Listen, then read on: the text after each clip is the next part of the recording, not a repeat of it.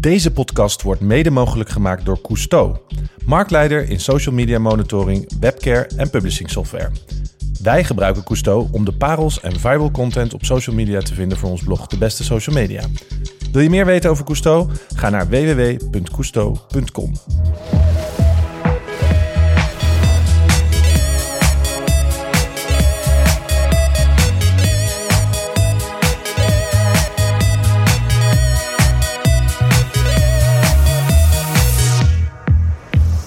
Welkom bij aflevering 2 van de Beste Social Podcast. Daar zijn we weer, of je nou wil of niet. Ehm, wederom met Jasper Schilder, eindredacteur van de Beste Social Media. En Kato, Hallo. onze creative. Hoi hoi. En deze keer Marijn Hemfling te gast, chef van Linda Nieuws. Marijn, hou je van spruitjes? Ja. Die vraag kreeg ik namelijk binnen op Instagram van AB Celine. Hij houdt van spruitjes. En hoe eet je je spruitjes het liefst? Met gebakken spekjes. Laten we het eerst even hebben over onze eerste podcast... die we een maand geleden in de ether eh, eh, smeten. Eh, ja, we waren er heel blij mee. Vonden het superleuk om te doen. Maar vonden jullie het ook leuk? Eh, Jasper, jij kan ons daar meer over vertellen? Ja, nou, eh, al met al mooie dingen, vind ik. Ehm, we kwamen binnen op nummer 2 op de podcast-app. Ehm, wat we best nog even mogen herhalen. Woehoe. Want daar zijn we trots op, uiteraard. Heel tof. Ja, ehm, dan... ja, eh, we zijn ook niet één keer beluisterd door mensen. Sommigen hebben ons vier keer beluisterd. Eh sommigen hebben ons ook zes keer geluisterd. Waaronder niemand minder dan Diederik Broekhuizen. Waarvoor dank, eh, Diederik. Was ook de tune. Want als je die luistert, dan wordt het dubbel opgeteld. Ja. Dus ik heb in totaal maar drie keer geluisterd. Wat ook al best wel veel is. Ja, wat ik ook heel tof vind, is dat we wel geteld in 33 landen, in 33 landen zijn geluisterd. Eh, de top 3 eh verbaast je iets minder. Dat is 1 Nederland, 2 België, eh 3 de VS. Oh, de VS verbaast me dan toch nog wel. Ja, is inderdaad dan een leuke derde. Eh, gaan we verder, eh, dan zijn we zelfs in de Verenigde Arabische Emiraten vijf keer geluisterd. Eh, Interessant. ja, Hallo, mensen in de Verenigde Arabische. Emiraten. eh, ook Bangladesh staat eh, op de lijst. En eh, er is ook één eh, eh, vanuit Bonaire. Eh, dus lekker abonneren met z'n allen, zou ik zeggen. Abonneer je nu. Eh, Kato, jij hebt eh, gekeken naar de wat eh, inhoudelijke reacties naast de statistiek. ja, Kun je daar ons meer over vertellen? zeker. Ehm, eigenlijk vond iedereen het over het algemeen heel leuk en vrolijk. En vonden ze het leuk om de persoon achter de beste social media te zien. Te horen. Ehm, wat zeg je? Te horen? Te horen, ja, niet te zien. En ehm, ja, we kregen terug dat sommige mensen behoefte hadden aan structuur en wat meer jingles. Maar dat vinden we eigenlijk niet leuk om te doen, want we zijn geen radio. En oh ja, ik heb ook even gekeken naar de iTunes reviews die we hebben gekregen. En eentje viel daar heel erg uit op, namelijk van David, The Crazy King 400. Hij gaf ons namelijk twee eh, hele sterren en zei niet echt veel toegevoegde waarde dit. Maar misschien moet je dan ook echt een groot fan van social media zijn. Dus die Ja. eh, vond ik wel opvallend. Waren er ook positieve reacties? Ja, van Bitterbal. Die zei, eh, zei Bitterbal? Ja, die zei, eh, ik heb niet opgeschreven, maar iets van eh, heel leuk, ga zo door. Oké. En ik heb er nog eentje van eh, Martin Amorison op Facebook. Die zei podcast, als je echt geen leven meer hebt. Dus luisteraars, ik ben nu wel heel benieuwd. Als jullie geen leven hebben, laat het dan even aan ons weten. Ja. Ehm, Cinnamon Challenge nog tussenstand? ja, we hadden vorige keer eh, beloofd dat we een cinnamon challenge zouden doen... als we meer dan 100 keer het woord kaneel eh, binnen zouden krijgen. Net niet gehaald. Nee, jammer. Jammer. Dus we gaan geen cinnamon challenge doen, Marijn. Eh, Ah, ik, eh, ik, ik wil wel op attenderen wat me is bijgebleven. Er was iemand die reageerde met eh, een podcast en een uitdaging dat kan heel goed samengaan. Was ik op Twitter. Ja, Ik voel hier blijven concurrentie, eh, Jasper Schilder. Weet je zeker dat je niet zelf die tweet hebt? nee. Nou, laat ook graag eh, weten wat je vindt. Of je het nou eh, goed vindt of slecht. We staan open voor eh, kritiek. Eh, laat dat achter via iTunes. Kun je ons sterren of stroopwafels eh, uitdelen. Eh, zoals we dat vorige keer noemden. We hebben ter ere van die opmerking nu ook stroopwafels op tafel staan. Dus Marijn, tas lekker toe. Ehm, verder kun je ook ons via alle andere mogelijkheden ons bereiken. Daarover later meer. Ehm, maar nu gaan we het ijs breken met de vraag aan Marijn. Wat is jouw grootste blunder op social media? En als Marijn het niet direct weet, dan hebben wij er wel een paar eh, Liggen. achter. Maar schiet wel. meteen iets binnen. Nou, ik zit te denken. Ik, ik zat vorige week te luisteren en toen besefte ik dat ik eh, geen millennial was, anders dan jullie. En dat ik dus in mijn, dat ik pas later eh, social media had gekregen, dat na mijn studententijd en dat soort dingen. Ehm, Ben jij zoveel ouder dan die? Ja, ik ben wel wat ouder. Ik ben eh, bijna 40. Oké, ja, dus vijf jaar ouder. Ehm, Dus ik zit te denken, ik heb wel een blunder, maar ik heb een keer een blunder gemaakt. Dat was nog echt in de krant. Dus- En dat is toen, toen was eigenlijk Twitter er nog net niet. Ik denk dat ik nu zou worden afgemaakt eh, op, eh, op Twitter. En wat deed je? Eh, nou, ik had achteraf een soort van doodsbedreiging aan een cabaretier eh, in een recensie geschreven. Dat is niet grappig. Eh, wat gebeurde er Nee, het toen? was ook niet zo grappig. Het was een soort van grappig bedoeld, maar gewoon geen goede grap. Het was aan André Manuel en die had, dat is nogal hard cabaret. En ik vond het te hard, die voorstelling. En ik, ja, ik ging een soort van op dezelfde manier er tegenin. En dat eindigde in een soort van, ja, doodsbedreiging. Het is een lang verhaal. Maar daar kwam heel veel gedoe over, ook nog in de pers. En hij was ook heel boos op mij of zo. Maar dat is eigenlijk allemaal nog net in het tijdperk dat Twitter nog niet zo was. Maar ik denk dat dat, achteraf was dit een, was dit een hele goede blunder geweest. pre-social media Ja. blunder. En eh, jullie, eh, Jasper en Katrijn? Ehm, ja, ik begon eerst bij mezelf te raden te gaan of ik ehm, ooit eh, iemand zijn foto van van twee jaar terug heb geliked of dat soort dingen. Dat valt nog wel mee.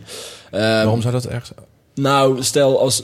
ehm, Als je, oh, als je iemand stalken bent... ja, Drie jaar stel als iemand nou geleden. ziet dat iemand een Oh. foto van jou liked. Ongeluk op eh, lijn, het is een een vakantiefoto raar, ja. van blote bovenlichaam van drie jaar geleden op het strand. Dan zou je Ja. toch raar op staan kijken. Was niet het geval. Ehm, op WhatsApp eh, heb ik er wel meerdere. Dus ik, eh, ik kies één voorbeeld. En dat is ehm, eh, ja, toch een beetje cliché de dronken berichtjes. Dan een dronken spraakberichtjes. Ehm, dat meisje is inmiddels mijn vriendin, dus het is me niet fataal geworden. En dat kunnen we wel stellen. Maar eh, ja, je hebt één gradatie, is dat je dronken aan het appen bent. En de tweede gradatie is dat je dan ook nog voice notes stuurt, eh, terwijl je een beetje aangeschoten bent. Ehm, dus spijt als haar op mijn hoofd, elke keer weer. En eh, helemaal als je terugluistert, dan, eh, dan wil je echt je telefoon ergens doorspoelen. En we gaan nu naar luisteren. Nee, zeker niet. In de show dan moet notes. je bij mijn vriendin zijn, maar laten we dat maar niet in de show notes gooien. Ehm, maar ik heb het wel kunnen omzetten in iets positiefs. A, ze, ze wreef het terecht eh, in bij mij elke keer. Ik Maar waarom was het zo erg? Wat, wat, Wat werd er gezegd in die eh, dronken. En, zij was toen nog op reis. En eh, voor die periode eh Je waren we bezig. officieel bij elkaar? Nee, voor die periode Oh. waren we bezig. eh, Bezig. Ja, hoe, hoe zou jij het zeggen, Diederik? Eh, daten? Daten. Ja, maar bezig dat- je maar je kunt niet zeggen dat je een daten bent als de ander op reis is. Snap, dus, maar goed. En ehm, eh, ik werkte toen voor Upcoming. Dus toen heb ik bij Upcoming een artikel geschreven over ehm, eh, waarom het altijd een slecht idee is om je crush dronken te appen. En dat artikel ging best wel goed. Dus eh, dat was wel eh, een fijne uitsmijter aan. eh, en dat, dat vond zij ook wel leuk. Dus dat is mijn blunder eh, van ongeveer een jaartje terug, denk ik. Oké, ik snap nog steeds niet waarom het nou echt een blunder was. Nou, Dronken eh, voice volgens mij heb het ik altijd het spijt van. Ja. Ja, maar wat was er zo gênant aan de dronken... Ja, je was echt heel dronken. Ja. Oh, ja. Ik kan me ook herinneren dat je zoiets hebt eh, gedaan in onze eigen Ja, en die heb ik WhatsApp. expres niet aangehaald ook. Oké. Jasper heeft ook een keer in onze werkapp eh ja, dronken. ik vraag me af waarom je hier niet over begint. Of mag ik dit niet onthullen? Nee, Want het mooie was. Jasper had geen Instagram eh, toen hij hier kwam werken. En daar maakten we altijd al grapjes over. Niet dat we hier elkaar verplichten om nou de hele dag obsessief met alles bezig te zijn. Maar we vonden het, nou, het was grappig dat hij als enige geen actief eh, Instagram-account had. En we pushten hem al een tijdje van, ga nou eens een keer iets plaatsen op Instagram. Kom op Jasper, plaats een keer wat. Doe een leuk filtertje, plaats iets op Instagram. en toen had hij dus eh, een keer midden in de nacht in de appgroep... eh, A, in de appgroep gewoon hele random rare foto's gestuurd. Dat we al dachten, dit is niet echt Ik ben ons. hetero, hoor. Ja, en ik ben heel oh, hoor. Ja, gewoon dronken praat, waar we niet veel aan konden vastkomen. En ik was in het buitenland, inclusief het tijdsverschil.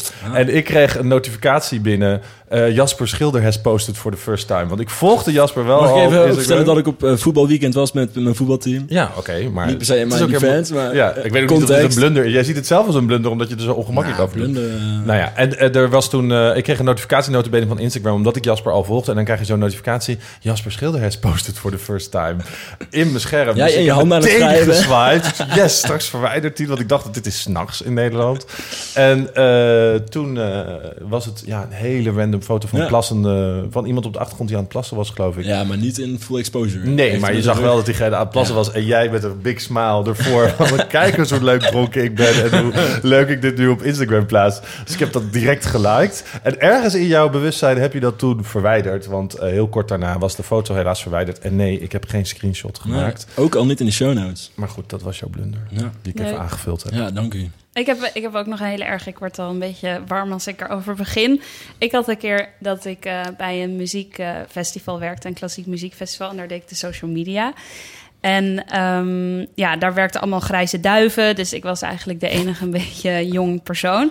En toen was er dus ook een jongen die daar werkte. En die was ook jong. Dus we gingen al gelijk een beetje naar elkaar toe trekken. We werden een beetje echt beste dikke vrienden daar. Dus samen lunchen. En we merkten dat we dezelfde humor hadden. Dat was heel leuk. En eh, toen op een gegeven moment zei je dus ja, en mijn vriendin die is kunstenaar. En toen dacht ik al, oh nou, jammer vriendin, maar maakt niet uit. Hoe heet ze? Vroeg ik zo, wat leuk. En toen zei hij haar naam en toen dacht ik, ik herken die naam. En toen ben ik dus s'avonds achter mijn computertje thuis, heb ik haar opgezocht. Als een echt eh, meisje, lekker stalken. Alle profielfoto's bekijken en zo. En toevallig zag ik ook dat ze dezelfde eh, werkgever had gehad als ik, als freelancer toen nog. Ehm, nou ja, lekker eh, klikken, klikken. En toen eh laptopje dicht slapen. Volgende ochtend weer naar het werk. En toen was ik weer met hem in gesprek. Toen zei hij zo... Ja, ik heb het idee dat we uit dezelfde kringen komen. Van, volgens mij, we wonen allemaal, alle twee in Amsterdam. En, eh, Daar begon hij over. ja, hij zei gewoon van... ik denk dat we, ik heb het gevoel dat we elkaar kennen. Dus ik was helemaal van... Ja, ik heb dat ook. En je weet toch wel dat je dat met mensen hebt... dat je echt denkt, ik ken hun. Nou, dat hadden wij dus. En toen zei hij van... Hey, geef eens je laptop, want dan zoek ik even op... of wij gemeenschappelijke vrienden hebben op Facebook. Nou, pam, pam, pam, pam. Toen eh, ging je met zijn muis naar de zoekbalk... en toen pas realiseerde ik me... oh mijn god, dit wordt een heel gênant moment. Want toen zei hij dus... wat doet mijn vriendin Jouw zoekresultaat. ja, want als je dus de zoekresultaten aanklikt, dan verschijnen je Ja, laatst gezochte zeker. zoekopdrachten echt zo erg. En ik werd helemaal rood en ik dacht, wat moet ik nu doen? Dus ik, ik zat zo, "Hè, ja, inderdaad. Maar het is toch zo gênant dat het niet eens zijn naam was, maar haar naam. Ja, inderdaad. Hoe heb je het ook alweer opgelost? Zo erg. Toen heb ik dus... Eerst ging ik zo met een rood hoofd weglopen. Toen kwam ik weer terug en toen zei ik zo... Ja, ik dacht al dat ik herkende. Want gelukkig had ik gezien dat ze dezelfde werkgever had gehad. Dus toen zei ik, ja, ik herken haar daarvan. En toen zei hij dus... Oh, maar dat komt mooi uit. Want vanavond is dat klassieke muziekconcert. En dan komt ze vrijwillig een kaartjes klippen, knippen. Dus ik heb hem echt opgesloten in productiehok. Zo. Kunnen jullie lekker kletsen? Nou, nee dus. Dus ehm, dat was mijn eh, blunder op social media. Ja, nu ben ik aan de beurt. Ik bedacht me best wel van... Shit, volgens mij ben ik best wel een controlfreak met social media door mijn werk. En ik werk toch al eh, ja, zo'n 7, 8, eh, ook wel eigenlijk 10 jaar met eh, online en social media. Dus ik, ik, ja, blunders worden pas echt een blunder als je, vaak als je iets post en het heel lang laat staan en het escaleert. Dus bijvoorbeeld zo'n quote van Marijn. Als je dat laat staan online, dan escaleert het. Maar ik heb zelf niet echt een, iets van dat ik denk... oh, dat had ik nooit moeten posten of moeten doen. Omdat ik dus best wel bewust ben. Maar ik heb wel een beetje zoals je met je sms'jes vroeger had. Dan heb ik wel eens bijvoorbeeld een ex een, ehm, een sms gestuurd van... oh, ik was net met hem en de seks was echt zo heerlijk. En dan naar diegene sturen. Eh, dat heb ik ook wel eens binnen, binnen Facebook gehad. In mijn messenger dat ik daar iemand heb gestuurd... Oh, wat is dit toch een ongelofelijke flapdrol. En dan die content ook doorsturen. Dus met een linkje van, kijk... Naar die persoon eh, zelf. Nee. En dan stuur je naar die persoon zelf. Ja, dat is mij echt meerdere malen al overkomen. En dat, dat, eh, dat kan variëren tot eh, niet zo heel erg. Of je komt er nog wel mee weg. Of je zegt, ha, dit linkje. Ja, grappig, ik zat er daar te kijken. Meestal kan ik er wel een manipulatieve draai aan geven... dat mensen erin trappen. Maar het, het, het is mij, dit overkomt me echt vaak. En dat had ik vroeger bij sms al heel vaak. Je hebt het nu nog steeds bij mailtjes ook wel eens... dat je over diegene een boos mailtje wil schrijven... en dat je het naar diegene mailt. En daar heb ik best wel een lange rits aan eh, blunders eh, van. Ja. Ja, dus dat. Eh, Marijn, heel erg leuk dat je er bent, eh, nogmaals. Eh, jij bent eh, chef bij Linda Nieuws momenteel. Wij kennen elkaar omdat je ooit eh, hoofdredacteur was van het eh jongerenblad Expresso. En ik eh, Ja, die functie toen van je overnam, volgens mij. 15 jaar geleden of lang geleden inmiddels. Nou, 15? ik weet het niet. Ja, heel lang geleden. geleden in ieder geval. Daarna ben je voor CEP gaan werken. Ben je hoofdredacteur of chef geweest van Parool en de PS, als ik het eh, goed heb. Ehm, je houdt van turnieren. En je werkt dan nu als chef bij Linda Nieuws. Hoe lang doe je dat nu? Anderhalf jaar werk ik hier.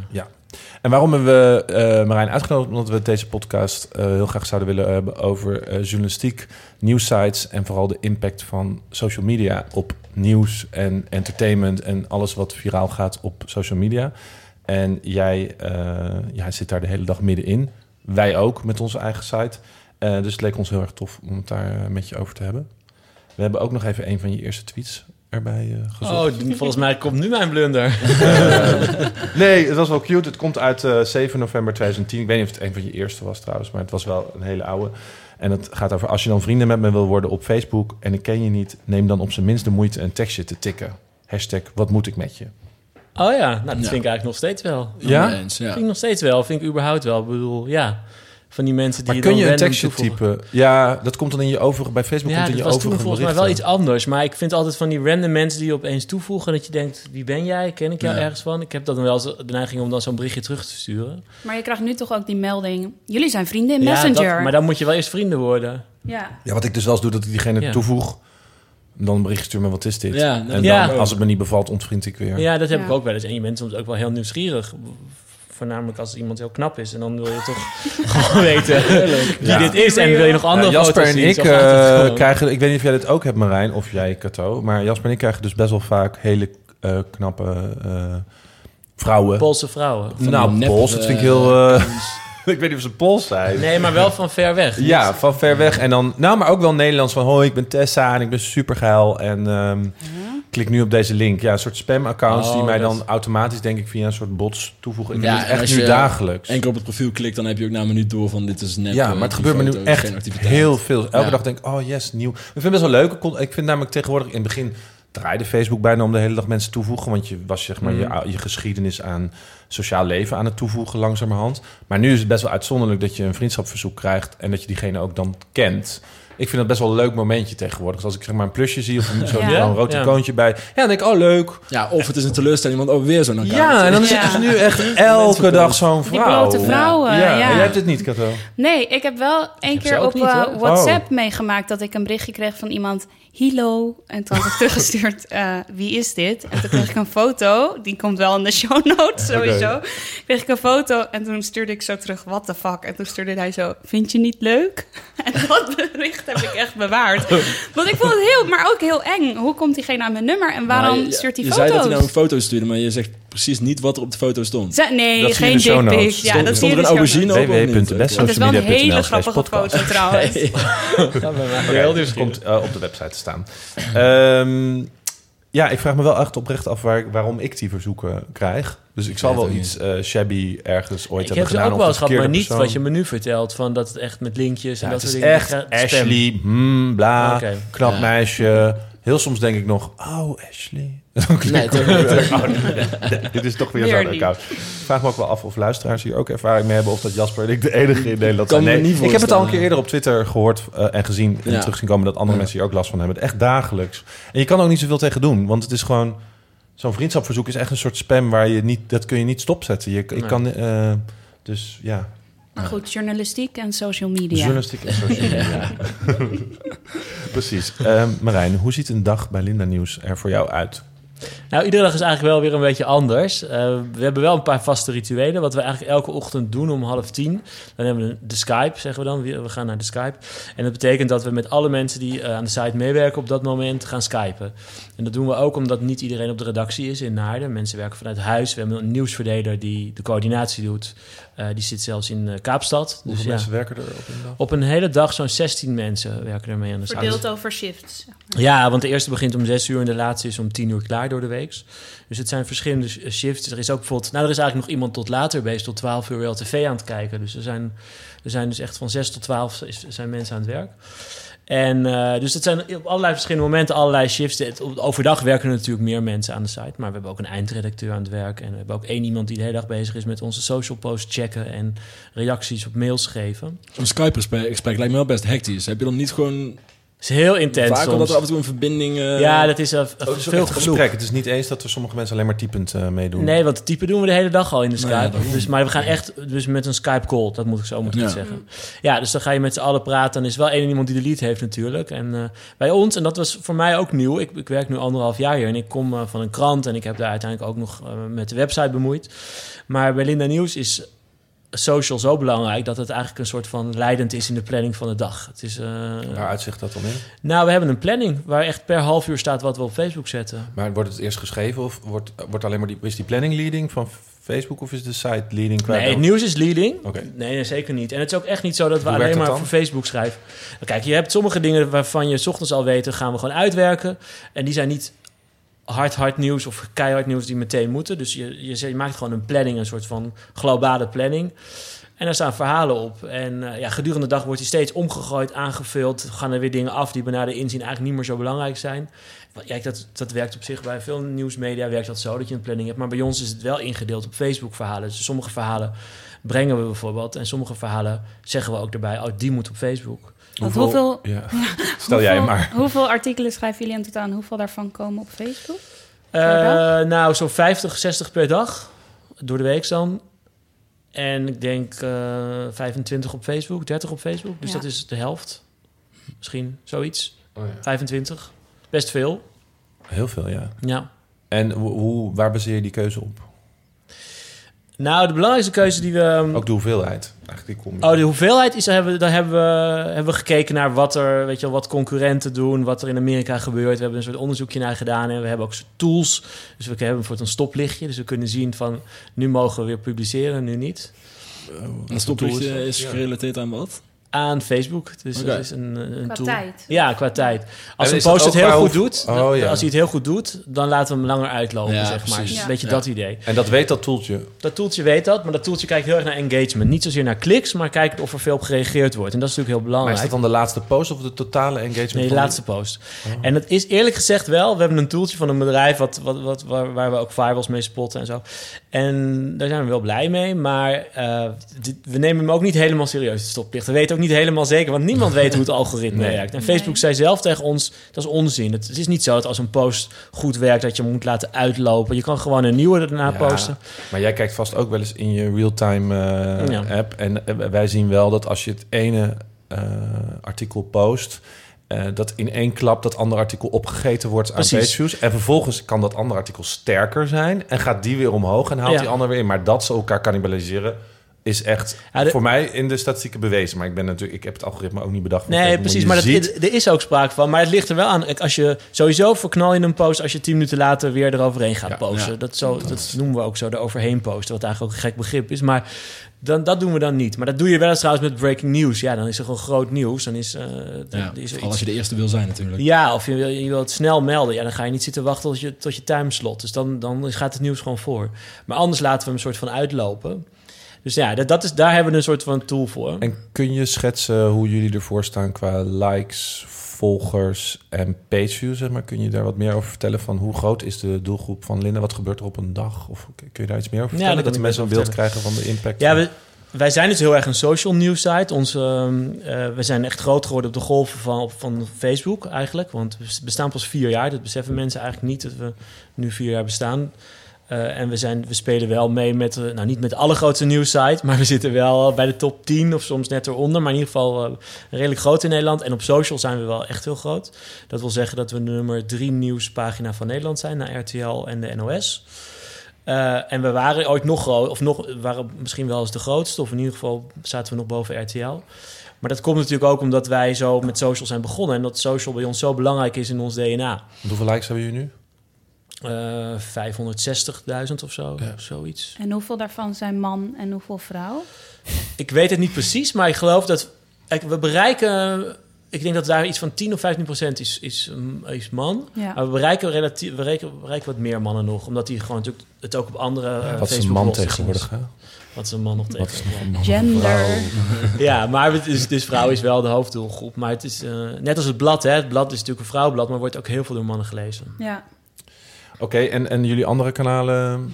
Nou, verder hebben we, eh, ja, wat je vroeg inderdaad naar het bereik. Nou, dus ons grootste bereik komt uit Facebook. Dat was ooit bijna 90% Dat is nu 75% Dus dat betekent dat we ook eh, inmiddels ook andere kanalen hebben. Twitter, maar dat is niet zo belangrijk, eerlijk gezegd, voor ons eh, verkeer. Dat doen we wel, maar daar zitten we niet, niet bovenop.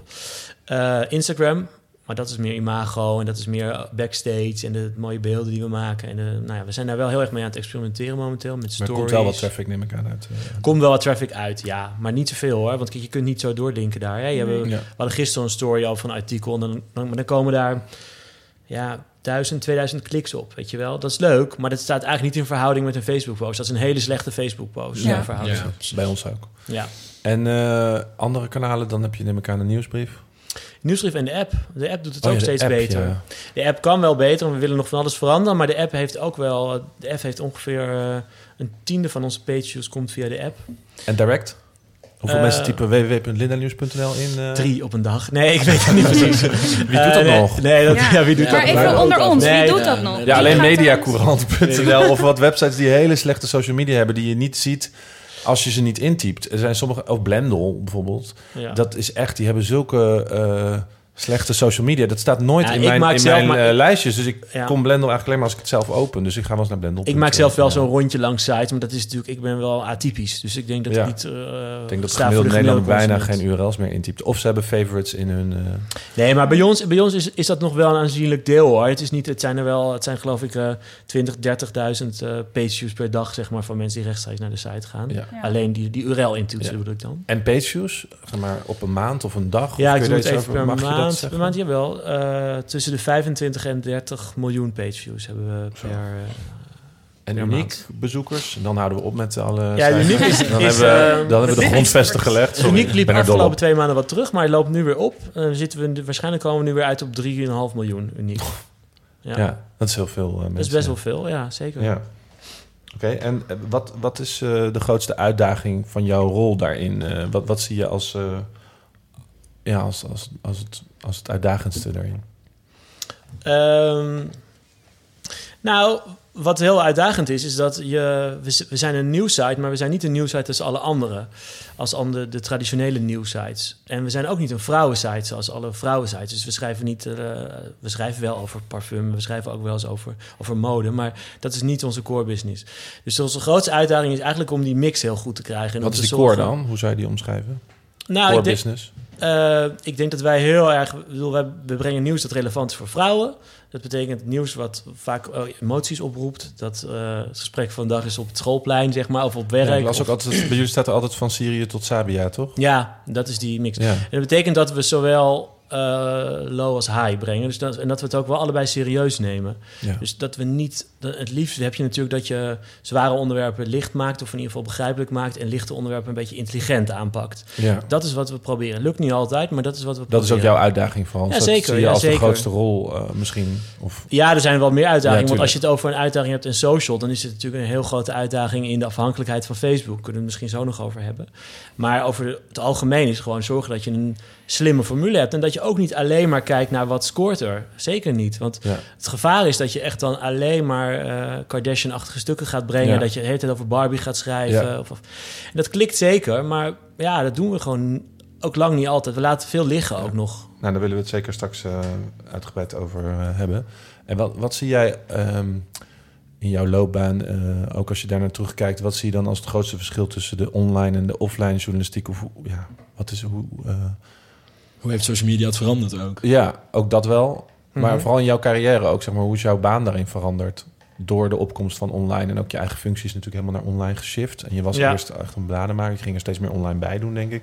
Ja, nou, ik merkte dat ik toen ik een blad maakte, dit, dit is nog steeds echt misschien wel het mooiste vak van de wereld hoor. Want je hebt echt heel, kan met heel veel tijd en aandacht en ook eigenlijk wel soms met meer budget ligt natuurlijk aan een beetje waar je werkt, maar kan je producties maken. En eh, online is het gewoon sneller en eh, je kan niet een verslaggever altijd op pad sturen. Ik bedoel, dat is echt wel een verschil. Zou het niet moeten kunnen? Dat zou zeker moeten kunnen en daar gaan we ook wel naartoe. Dus het is niet zo dat het, maar op dit moment is dat in mijn werk niet zo nog.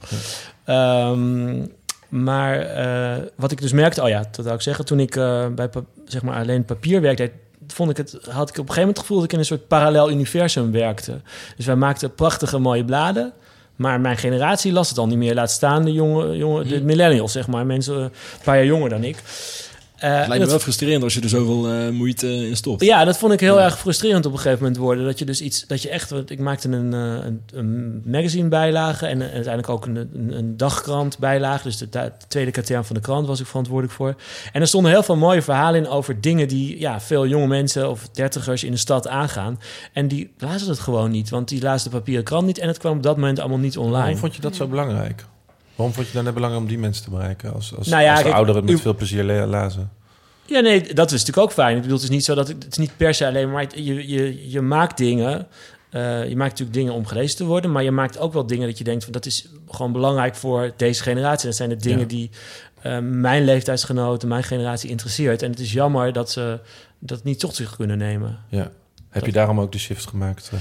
Nou, dat was daarom waarom, ik steeds, baan. waarom ik het steeds lastiger vond. En ik was met Facebook aan het experimenteren en we deden wel dingen op Twitter en zo, maar het was allemaal, het lukte nog niet zo. En toen ging ik inderdaad eh, ging ik naar, eh, naar de website van het Parool en die site veranderen. En nu nou, dan naar Linda, Ja. omdat ik dat inderdaad voelde van ja, het, het, het, het debat en het gesprek van de dag vindt niet meer alleen maar op, in papier plaats. Dat is natuurlijk geen verrassing. En eh, Voel je nu minder die frustratie? Heb je nu meer het idee, ik bereik nu de mensen die ik wil bereiken? Of heb je daar een beter gevoel bij in je baan die je nu hebt? Eh, nou, wat ik nu heel erg leuk vind, is dat je gewoon zo snel kan inspringen. En dat je dus, eh, dat je, je ziet direct effect van wat je doet. Dat is ook wel eens lastig, hè? want je moet dus ook niet altijd alleen maar daarnaar kijken. Maar je ziet direct effect, dus je kan het ook nog bijsturen. Dat is natuurlijk ook allemaal heel erg lekker van Ja. online. Ja, het hoeft niet naar de drukker. Nee, nee, nee, precies. En je kan dus ook bedoel je bijsturen? Nou ja, als je een fout maakt of als je denkt, hé, hey, er kan eigenlijk nog wel wat bij of we moeten het nog even aanvullen, dan is het niet al gedrukt. Dus dat is, dat, is natuurlijk, eh, dat is natuurlijk het fijne van online. Je krijgt direct reacties en daar kan je weer wat mee of zo. En dat is, met, dat is altijd bij papier maar gissen geweest. Van hoe landt het, wat vinden mensen ervan? Ja, natuurlijk krijg je wel eens een tweet en je hebt een enthousiaste tante als je op een verjaardagsfeestje bent. Maar je hebt minder direct, zeg maar, Ja, het gevoel erbij. Hè? Ja. Heeft eh, die omslag en social media ook de content heel erg veranderd? Ja, zeker. Het heeft wel veranderd. Het heeft wel veranderd. Aan- nou, kijk, aan de ene kant heeft het het wel publieksvriendelijker gemaakt. Dat is op zich een positief ding, denk ik. Dat je dus rekening houdt met je publiek en dat je het ook op een goede manier brengt. Want eigenlijk moest je als journalist altijd al je verhaal verkopen. En ik vind, zeker als je kijkt naar de nieuwskranten, de, de, de on- journalistieke, de kwaliteitsjournalistiek in Nederland. Als je kijkt hoe die het online doen, die gaan het wel steeds beter doen, maar die konden het echt niet online verkopen. Die konden, wisten gewoon niet. Dat Ja, maar nog steeds vind ik ook wel dat je heel erg ziet dat zij nog aan het experimenteren Zeker. zijn. Zoals de NOS met opeens emoji in de kopie. Waarvan als ik Ja. dat zie echt denk, leuk die stropdas bij een post over politiek. Ook toch ooit een, eh, iemand aan het woord gelaten met de Snapchat-filter Ja, die op was haar ook hoofd. erg. Dat, Ja. dat was ook, maar zij waren wel goed. Want ik denk wel, ze waren gewoon aan het experimenteren. En ze hadden iemand een anoniem verhaal laten vertellen met een Snapchat-filter van een hertje. En dat was een verhaal over volgens mij seksueel misbruik. En daar hadden ze het over. Ehm, en toen zei ze, ja, ik ben onherkenbaar gemaakt met zo'n stemmetje ook. En dan Nee. dat filter op haar hoofd. En toen zijn ze daar wel, hoofd, ja, en toen zijn ze daar wel op teruggekomen. Ze kregen zoveel kritiek daarop Ja. natuurlijk. Ja. En toen zeiden ze, we zijn aan het experimenteren. Dank jullie wel voor jullie feedback. Dit was niet de juiste manier om iemand anoniem in beeld te brengen. Maar daarin merk je ook dat ze... Nee, Maar ja, maar goed, ik- dat goed zegt, dat Ja. de inhaalslag is nu echt begonnen. De inhoudsslag is begonnen. je Je, voelt dat platforms zoals Linda News en de beste social media wij zelf, zoals je begonnen bent Ja, in het digitale landschap, zoals voorloper is dat eigenlijk. heel anders. En dan had je eigenlijk niet zo'n last van alle oude Nee, media. nee, en nu zitten de juiste mensen daar, snappen ze wat werkt en hebben ze gewoon Zeker. de learning curve gehad. En nu zie je dat het echt, eh, het gaat als een tierenlier. Ik zie zoveel toffe ja, dingen bij de traditionele media Zeker, gebeuren. nee, maar je ziet ook dat ze allemaal in de leer zijn geweest bij Blendel bijvoorbeeld aan de koppen en zo. En dat, dat, je ziet een heleboel dingen nu online. Dus het is ook niet erg, het is ook goed. Maar eh, inderdaad, die, die, dat, dat maakt ook dat ik bijvoorbeeld ook roep van ja, we hadden een soort vo- voorloperspositie. Omdat we natuurlijk als eerste daar eh, samen met een aantal andere sites daar goed op zijn ingesprongen op social. Maar ja, als je nu weer voorop moet lopen, moet je wel weer nieuwe stappen zetten Ja. natuurlijk. En dan, je, je kunt niet het, de oude dingen alleen maar Waar blijven zit doen. die vernieuwing voor jou, denk je? Nou, die zitten in nog meer Linda-smoel, denk ik. Dus die zitten aan gewoon meer eigen content. Dus eh, eh, meer verdieping, eigen verhalen, eh, weet je wel, stevigheid. Daar zit hem in. En het zit in video. En slimmer worden met video. Dat zijn de twee dingen waar we, waar we mee aan de slag gaan de komende tijd. Ja, en video heb je natuurlijk al. Ja, we hebben wel video, maar dat zijn nog alle, dat zijn voor een deel nog echt, het zijn hartstikke mooie programma's, Linda TV, en het wordt ook goed bekeken. En zeker op social wordt het echt heel goed bekeken. Maar het zijn wel echt nog tv-programma's. Eh, of tv-programma's zegt het zijn echt tv-formats. En we zouden ook het Linda Nieuws, dus een nieuwssite, dus we zouden ook meer met nieuwsvideo's, explainers en Hoe komt het dat het tv-formats zijn? Zitten daar dan allemaal mensen die eerst tv maakten? Nee, maar dat past ook wel bij, dat past ook wel bij Linda. eh, het past ook heel erg bij het blad. Want dat zijn ook gewoon hele mooie kleine verhaaltjes altijd. En dat zijn die, veel van die formats ook, eerlijk gezegd. Dus dat is ook op zich een hele... Dat is, dat is eigenlijk een soort van de Linda Original, zou je kunnen zeggen. Zo noemen we ze ook wel. Eh, dus Linda eigen programma's. Maar je kan daarnaast ook, zoals we met Linda Nieuws... een soort Linda sausje over het nieuws gooien... kunnen we dat natuurlijk ook met video doen. Ja. En wij vertellen het nieuws nu nog vooral in tekst. Ja. Jullie hebben nog helemaal niet geëxperimenteerd met live tv of... eh, Jawel, dat doen we wel dingen. Ja, zeker. Nee, want we hebben we livestreamen. We waren bijvoorbeeld bij de Apple-lancering van de laatste iPhone. Weet je wel, daar gaan we helemaal los. Dan doen we alles. En dan gaan we livestreamen op Insta en dan gaan we op Facebook dingen doen. En we, we experimenteren van alles, ja. Ja. Maar we moeten nog wel kijken. wennen? Of, eh, Zeg je? Hoe, hoe valt dat? Nou, het ene valt heel goed, het andere valt minder. Kijk, ik bedoel, je ziet het livestreams. Livestreams is best wel lastig, vind ik, op Facebook eigenlijk. Je ziet dat, eh, dat meer de traditionele is, een soort van een gesprek, weet je, zo'n een, een klassiek interview of zo, vaak niet zo goed werkt. Dat mensen toch een beetje zich een buitenstaander voelen. Dus dat het vaak beter werkt als je... Hadden bijvoorbeeld laatst op Linda Meijden hadden we een... eh, was heel erg leuk. Een psychologe, een jonge, jonge vrouw, ik denk een jaar of 27. En die ging met meiden praten over onzekerheid, psychische problemen, eetstoornissen. Maar best wel serieus. En ook gewoon een half uur lang op Instagram. En dat was gewoon rechtstreeks zij in de camera kijken en vragen. En de vragen bleven maar binnenstromen. Terwijl Instagram meiden niet eens zo heel veel volgers nog heeft. Mhm. Maar dat, dat raakt wel en dat klopte wel. Ja. Ja, is die interactiviteit. Ja, En ook dus daar werkt hij dan. Ja. Ja. en waarschijnlijk heb je daar ook de volgers op Instagram die het gewend zijn om snel te replyen op. Heel veel influencers doen dat tegenwoordig ook. Ja. Live Q&A's en zo. Dus dat is gewoon Ja, zo, werkt hij wel. Maar meer het klassieke vraag-antwoord interview, dat kan ook nog wel, maar dat werkt echt veel minder bijvoorbeeld. Ja, dat snap ik wel. Ook omdat je zelf als kijker niet echt veel invloed daarop hebt. Nee, je kan wel. Nou, we hadden laatst bijvoorbeeld, dat was ook een goede trouwens. Toen hadden we met de aanslag in eh, Las Vegas, toen hadden we iemand eh, die toevallig voor ons werkt, die zat daar, een journalist. En die hebben toen gevraagd en die heeft gewoon nou, een half uur live spontaan eigenlijk gewoon zitten vertellen wat ze allemaal heeft meegemaakt. En zij was daar vlakbij eh, de strip. En reageerden zij dan ook direct live op Ja, ze reageerde meteen op de vragen. Dat deed ze ook heel Ja. goed. Dat vond ik echt heel erg mooi. En dat werd ook goed bekeken.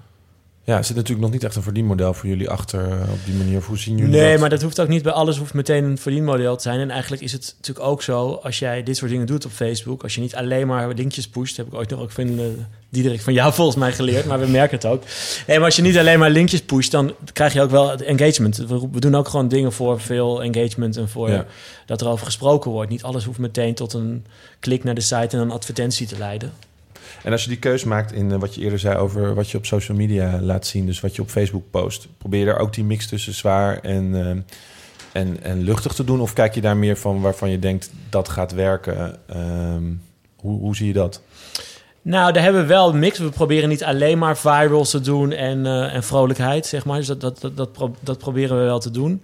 Maar we kiezen daar wel van de dingen waarvan we denken dat het gaat werken. Ja, dat is het wel. Want kijk, we brengen ook gewoon veel nieuws omdat we het nou eenmaal moeten brengen. Eh, bijvoorbeeld heel veel nieuws over de kabinetsformatie. Dat brengen we wel, maar, dat, Maar- daar onderscheiden we ons niet per se mee. Dus waarom gaan we dat dan op Facebook zetten? Ja, want in hoeverre, die, je schrijft dan 60 artikelen per dag ongeveer. Ja, En daarvan komen er 20, zei je? 30, 20, zoiets. Op aan. Facebook. En is dat 50-50 qua hard nieuws en qua, kijk, dit lieve hondje? Nou, we doen Kijk, niet heel veel. Kijk, dit lieve hondje doen we, doen we zo min mogelijk. Ik wil geen. Ik zeg altijd. ik wil pas het hondje als hij dood is, zeg ik altijd grappig. Maar dat, dat is. dat- nee, nee, nee, ze vinden me echt geen dierenvriend. Maar ik, het komt meer omdat ik, wij Linda altijd zegt van ik, ik wil geen fabeltjeskrant worden, jongens, alsjeblieft, niet te veel. Wat is voor jou fabeltjeskrant? Nee, maar als we te veel over schattige hondjes en. eh, Maar dat heb jij ook al wel af en toe. Ja, ik heb recentelijk ook naar eh, de redacties eh, geroepen. Ik wil even geen katten meer zien. Nee, Ik wil gewoon geen katten, ook al is het een grapje over een kat. Ik wil pas een kattengrapje als het super meta is... of als, het, Ja. als een ander bedrijf erop reageert... of als het escaleert of als er ophef over een kat is. Mhm. Maar niet gewoon... oh kijk, een kat heeft een mutsje op zijn hoofd. Mhm. Ja. Hou op. ik bedoel, ik denk dat er gewoon genoeg plekken zijn op het internet... waar je katten kan Ja. bekijken. En ik geloof niet dat de best social media bijvoorbeeld de plek is... om, eh, om dat te doen. Ja. Ik, heb, Ja. ik heb er zelf ook een beetje een aversie eh, tegen. Maar het lijkt me wel lastig als Linda nieuws zijnde om daar een balans tussen te vinden. Scoren katten en honden. Of dode nou, het kan zeker scoren Dode als losse scoren. filmpje. Nee, nee, nee, dat wordt zeker niet. Moeten we ook niet doen. En ook, we krijgen ook heel snel krijgen we het feit dat wij dierenbeulen zijn. Dus als er iets met een, een hond in een mandje of zo, dan is het waarschijnlijk het hondje al gedrogeerd. Of dan is er iets met het hond. Weet je, dan krijgen we al heel snel dat verwijt. dat-. Laat je je vaak leiden door wat je zelf zou aanklikken? Of denk je Ja, heel zeker. vaak de vrouw? Of eh, heb, je, heb je de, Linda-doelgroep ook heel vaak in je hoofd? Merk je ook heel vaak, nou, vind ik gewoon niet interessant. Of merkt dat, het- matcht het vaak met wat jij interessant vindt? Ik denk dat het in eh 75% van de gevallen wel matcht. Ja, het moet ook, als, als het nooit, als het heel weinig zou matchen, dan zou het ook, zou ik volgens mij ook niet op die plek, eh, zou ik niet op- goed op de plek zitten. En kijk je wel eens op dat je denkt, oh, die had ik zelf nooit geplaatst en dat het dan scoort? Dat je Ja. denkt, oh, ik heb geen Oh, match meer met de doelgroep? Oh, ja, dat niet. Maar er gebeurt wel eens dat je dan bijvoorbeeld... Kijk, je werkt wel eens een dag niet. Of je bent bijvoorbeeld... Nou, s'avonds wordt er iets, op, wordt er iets opgepakt door, door een freelancer. En dat je dan 's ochtends dat had gezien ergens en dat je dacht, nee, dit, deze firewall laten we even passeren. En dan staat hij er s'avonds toch op. Of dat je 's ochtends dacht, dit is al van gisteren, weet je, als oud. Ja. En dat het dan per ongeluk het weekend is gemaakt of zo. en dat het dan toch ook. nog heel goed doet. Dat gebeurt gewoon af en toe. Maar ja, dat voorkom je gewoon niet als je met zoveel mensen aan zo'n site werkt. Ja, wij hadden een keer dat, eh het was bij de HEMA een relletje, omdat eh, een vrouw die had daar net gewinkeld met een kindje, blijkbaar heel veel eh, dingen gekocht en toen wilde ze even naar de wc, want ze stond op knappen, maar dat mocht niet, want het had geen 50 cent. En dat was op de pagina van HEMA best wel opgeblazen en ik zat er met Davy naar te kijken en dacht van, laat hem alsjeblieft schieten, eh, die 50 cent. En ehm, toen zagen we hem inderdaad echt uren later op zoveel media voorbij komen en zoveel likes en reacties en mensen die daar hun mening over wilden geven. Ja. Ik stond een beetje perplex wel ook. Ja, we hadden het nog toch- over dat wij niet, Ja. niet, echt niet altijd kunnen voorspellen. Nee, maar het zegt niet Oh, nee. dat ik er Wat- spijt van had dat wij het niet hadden gedaan. Dat niet. Het is niet dat, dat ik dan, waar zat het hem dan in? Waarom ja. vond je het niet in? Omdat je... omdat ik, ja, ik denk van nou, dan, dan- is er al te veel aandacht aan besteed. Dan ga ik. eh, Ja, heb je dat ook wel eens dat je denkt, eh, je zegt net te oud. Wat is dan, eh, wat is voor jou ja, een dat is, dat, is heel, dat is heel moeilijk om daar te... verschil per case? Ja, dat verschilt heel erg per case, weet je wel. Soms zie je het, het nieuws van de avond ervoor, er ook s ochtends vroeg al te oud, maar ja, het ligt er een beetje aan. Het ligt er ook aan hoe groot nieuws het is geweest natuurlijk. Ja, ik heb zelf als missie dat ik denk, ik denk gewoon niet dat het nodig is als al- iedereen het al oppakt. Nee, Dan zijn wij niet het platform dat wij moeten brengen. Dat, dat zijn andere platforms voor Ja. die dat prima vinden. Die dat ook niet als missie hebben om altijd het eerste dingen te brengen. Maar wij vinden het leuk om mensen als eerste ergens van op ja, maar dat snap ik voor jullie meer dan nog voor ons. Hè? Ik bedoel, dus Ja. niet dat wij altijd overal achteraan willen lopen. En ik denk dat wij op social dingetjes ook best wel vaak snel zijn. Dat we dingen oppakken die anderen weer niet oppakken. Dus dat wel. Maar ja, we willen ook gewoon het, nieuws en het gesprek van de Ja. dag. Dus als blijkbaar iedereen daarover praat, dan moeten Ja. we hem toch... Maar brengen. in dit geval was het wel zo. Als we hem hadden opgepakt, dan waren we echt eerder geweest dan waar ik het uren later overal voorbij zag komen. Maar Ja. dan nog had ik er geen spijt van, omdat ik zelf het onderwerp gewoon echt. Nee, maar dit vind ik ook heel goed. Je moet ook onderwerpen Ja, laten echt. liggen. Hè? Kijk, wij, wij hadden bijvoorbeeld... Ik weet zeker, nou ik weet 100% zeker dat dat ook enorm gescoord had. Maar die hele affaire van Umberto Tan en eh Dionne Staks... daar Ja. was er weken discussie over. Maar eigenlijk hadden zij nooit er iets over gezegd. En was het elke keer roddel. Maar de roddel werd op een gegeven moment nieuws. En het nieuws dat het in de privé stond of waar het ook stond. Ja. En wij hebben wel als regel, we brengen geen roddel. willen we gewoon niet, weet je. Als, als, Mhm. als het echt roddel is, dan brengen we het niet. En ehm, dus als het hearsay is... Nou ja, dat hebben we dus eigenlijk drie weken lang genegeerd, die hele affaire. Terwijl echt Maar denk je dan niet, hey, ik bel hem op en ik eh, schrijf... eh, Ja, misschien hebben we dat ook nog wel geprobeerd, maar ze gaven geen commentaar. En dan, ja, dus we vonden dat gewoon geen nieuws. En pas toen ze op een gegeven moment eh, wat gingen zeggen... Toen hebben we erover geschreven. En het ging ook inderdaad de real-time door het dak. Dus mensen willen dat allemaal lezen. ja, Maar ja, we hebben er gewoon niet over geschreven. Daar waren we best wel principieel in. ja.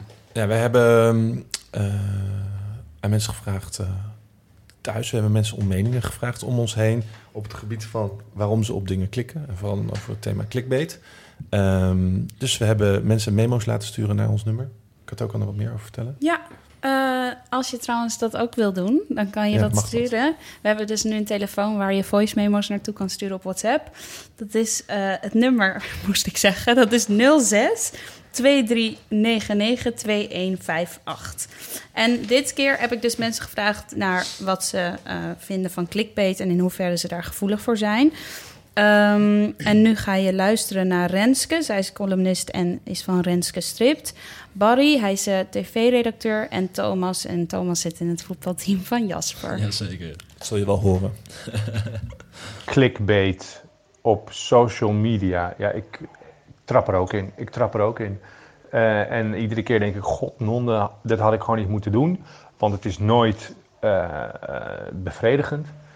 Ehm, maar als je dan weer een... ja, ik, ik klik ook wel eens door als er een, een, een quizje is of...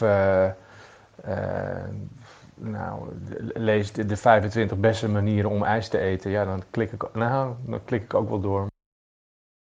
Ja, wat doet mij nou klikken op een artikel? Ik ben gek op sensatieverhalen. Eh, je hebt natuurlijk ook nog ander soort nieuws. Ja, niet per se nieuws, maar alles wat met de roddelbladen te maken heeft. En de boulevard en shownieuws. Ja, dat zijn wel dingen die puur op sensatie gericht zijn.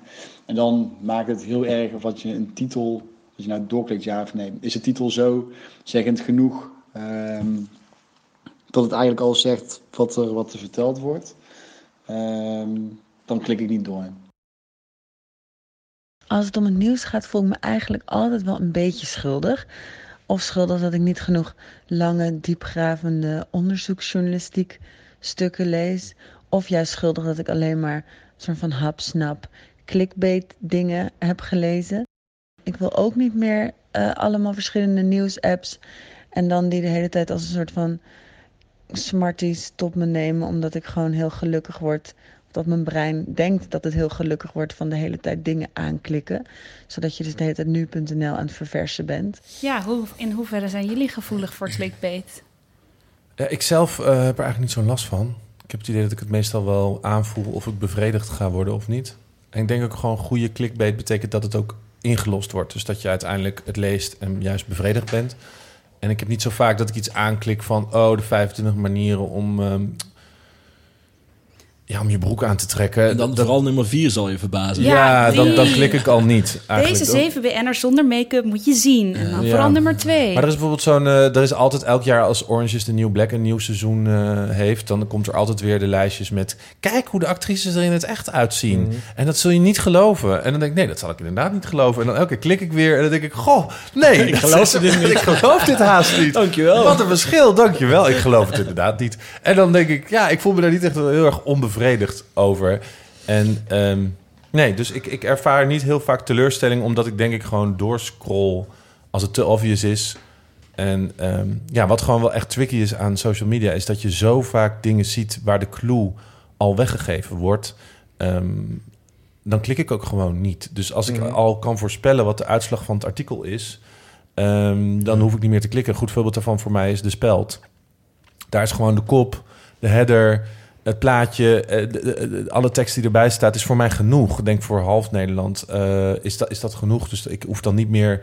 Ja, zij geven eigenlijk altijd gewoon het grapje weg, wat ook de kracht is, want daardoor lijkt iedereen het. Ja. Maar ik hoef er daardoor niet meer op te klikken. En dat heb ik ook wel bij nieuwsberichten waarvan je ja, ook heel veel nieuws omtrent eh, bijvoorbeeld discriminatie of Zwarte Piet is heel vaak eigenlijk de header al genoeg en is de discussie meer op Facebook gaan dan dat het artikel nog gelezen wordt. Ja, dat zie je natuurlijk ook heel veel. Dat mensen ook niet het artikel meer lezen. Dus dat ze dan gewoon reageren op de kop. Ja, Ja. precies. En dat is Zullen soms jullie ook wel zien. Ja, dat is soms ook wel eens lastig. Ja, dat, dat, want dan Ja. staat de, nuance wel degelijk in het stuk. Ja. En de uitleg. En dan gaan mensen reageren op, op vooraannames. Want mensen zitten soms in een bubbel en hebben al hun ideeën gebaseerd op de kop.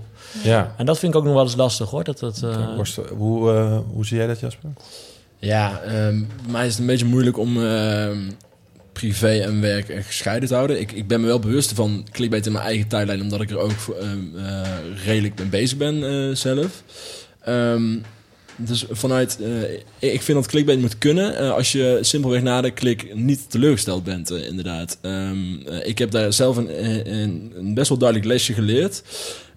Toen ik dus voor de site eh, kwam ik iets tegen. Het, het gebeurde op de Facebookpagina van een Belgische broodjesite. En dit is een verhaal wat ik persoonlijk heel erg grappig vond. Ehm, want iemand klaagde eh, dat, dat ze daar een broodje had gekocht. En er zat ook een rauw stukje kip op haar broodje. Nou, daar heeft ze via social media over geklaagd. Standaard reactie van, ehm, van het bedrijf. Nou, sorry, kun je ons even een privébericht sturen. Heel vervelend om te horen. En dan we je zo snel mogelijk helpen. Nou, daarna was er een van de grapjas. Die zei, ja... eh, aan hetzelfde bedrijf daarop gereageerd met dezelfde klacht. Ja, eh, ik had laatst ook een broodje en er zat echt nog een hele kip, een hele levende kip op. En dat bedrijf eh, reageerde daar ook gewoon serieus op. Oh, wat vervelend om te horen. Zou je ons even een privéberichtje willen sturen? En ik dacht, en iedereen eh, op die Belgische pagina ging daar helemaal los op, ging helemaal stuk. Ik vond het persoonlijk ook super grappig. Dus toen, ehm, toen heb ik daar een blogje over gedaan. eh, en achteraf veel te erg over de top. eh, een heel goed, heel goed leermoment voor mij. eh, waarbij ik ook iets van zei, ja, Belgisch, Belgische broodjeszaak geeft ongelooflijk eh, antwoord op ja, sarcastische vraag of zo. En dan werd heel, real-time ging best wel door het dak. Maar ja, dat Dus is real-time bedoel je de, de hoeveelheid kliks? ja, ging ja de hoeveelheid kliks. Maar dan, dan wil je natuurlijk ook wel altijd weten wat voor interactie en likes het oplevert. Of mensen het echt leuk vinden. En dat viel reuze tegen. En ehm, dat heb ik me zo erg aangetrokken ook. Dat ik da daar ook al een lesje heb En geleerd. waarom viel het dan tegen? Omdat je, het, omdat je juist er te veel van had gemaakt. Ja, Want die reactie zeker. was helemaal niet leuk. Nou, ik, ik- vond het persoonlijk gewoon echt ongelooflijk. En ik, ik werd ook heel erg gebiased door hoeveel mensen daar echt met lachsalvers reageerden onder eh, die serieuze, dat En dat serieuze bij antwoord. ons- bij- maar bij ons niet inderdaad. Ehm, dus daarom, eh, dus die, die, le- die lezers waren zeker niet, eh, die waren dus blijkbaar gewoon teleurgesteld. Eh, maar een ander voorbeeld was een van onze best gelezen artikelen, PostNL. Ehm, waarvan een vrouw klaagde aan PostNL dat haar pakje binnen was gezet, bezorgd, zonder dat zij iemand binnen heeft zien komen. Dus zij was, ja, ze, ze begon haar rant tegen de postbezorger van PostNL via social media. En toen hadden we het ingepakt dat... Het haakt een eh, beetje in op dat touwtje verhaal. Ja, nee, eh, precies. En eh, toen was onze titel iets in de trant van... eh, eh, mevrouw eh, klaagt heel erg eh, tegen PostNL, bezorger... maar krijgt een volle laag terug. Met als caption, dit zag ze niet aankomen. En Ah, die belofte werd volledig ingelost. Ja, en, dat eh, leverde 140.000 eh Maar, maar dat, zou, dat zou je toch nu niet meer durven te gebruiken? Dit zag ze niet aankomen? Of was het een grap bijna? Nee, om maar dat te gebruiken? het- het backfired echt enorm op haar. Omdat heel Facebook Ja, ja. nam het op voor de postbezorger. Nee, dat snap ik wel hoor. Maar nu zei je toch dat dit zag je Nou, niet dat werkt wel hoor. Ja. Volgens mij was dat letterlijk de ja, kopie. Ja, zeker. Maar ik denk dat jij hem ook niet had geschreven als clickbait, maar dat je hem echt... Nee, nee, nee. Ja. Van, dit zag ze echt Ja, niet aankomen. Nee, nee, precies. En als het dan waar is, dat het ook echt dat ze hem niet zag aankomen, Ja. dan Ja. werkt het dus wel. Ja. Dat is Ja. het probleem ook een als je beetje als lezer bevredigd bent met het feit van... nee, die zag ze inderdaad niet aankomen na het lezen van het artikel. Zij dacht, ik, zij dacht, ik zal PostNL eens even te kakken zetten. En die eh, bezorger speciaal. Nou, ze kreeg echt heel eh, Facebook vervolgens over haar heen. Maar dit is wel grappig, want dit is ook bij ons natuurlijk wel dagelijks gesprek van de dag. Want het is gewoon een dunne lijn. Want je, kijk, je wil ook niet alles weggeven inderdaad. En je wil dat, dat je verhaal verkocht wordt. Ik bedoel, dat was ook al in de oude tijd van de journalistiek. Je moet gewoon je verhaal verkopen. Daarom moet je er een goede kop boven Ja. zetten.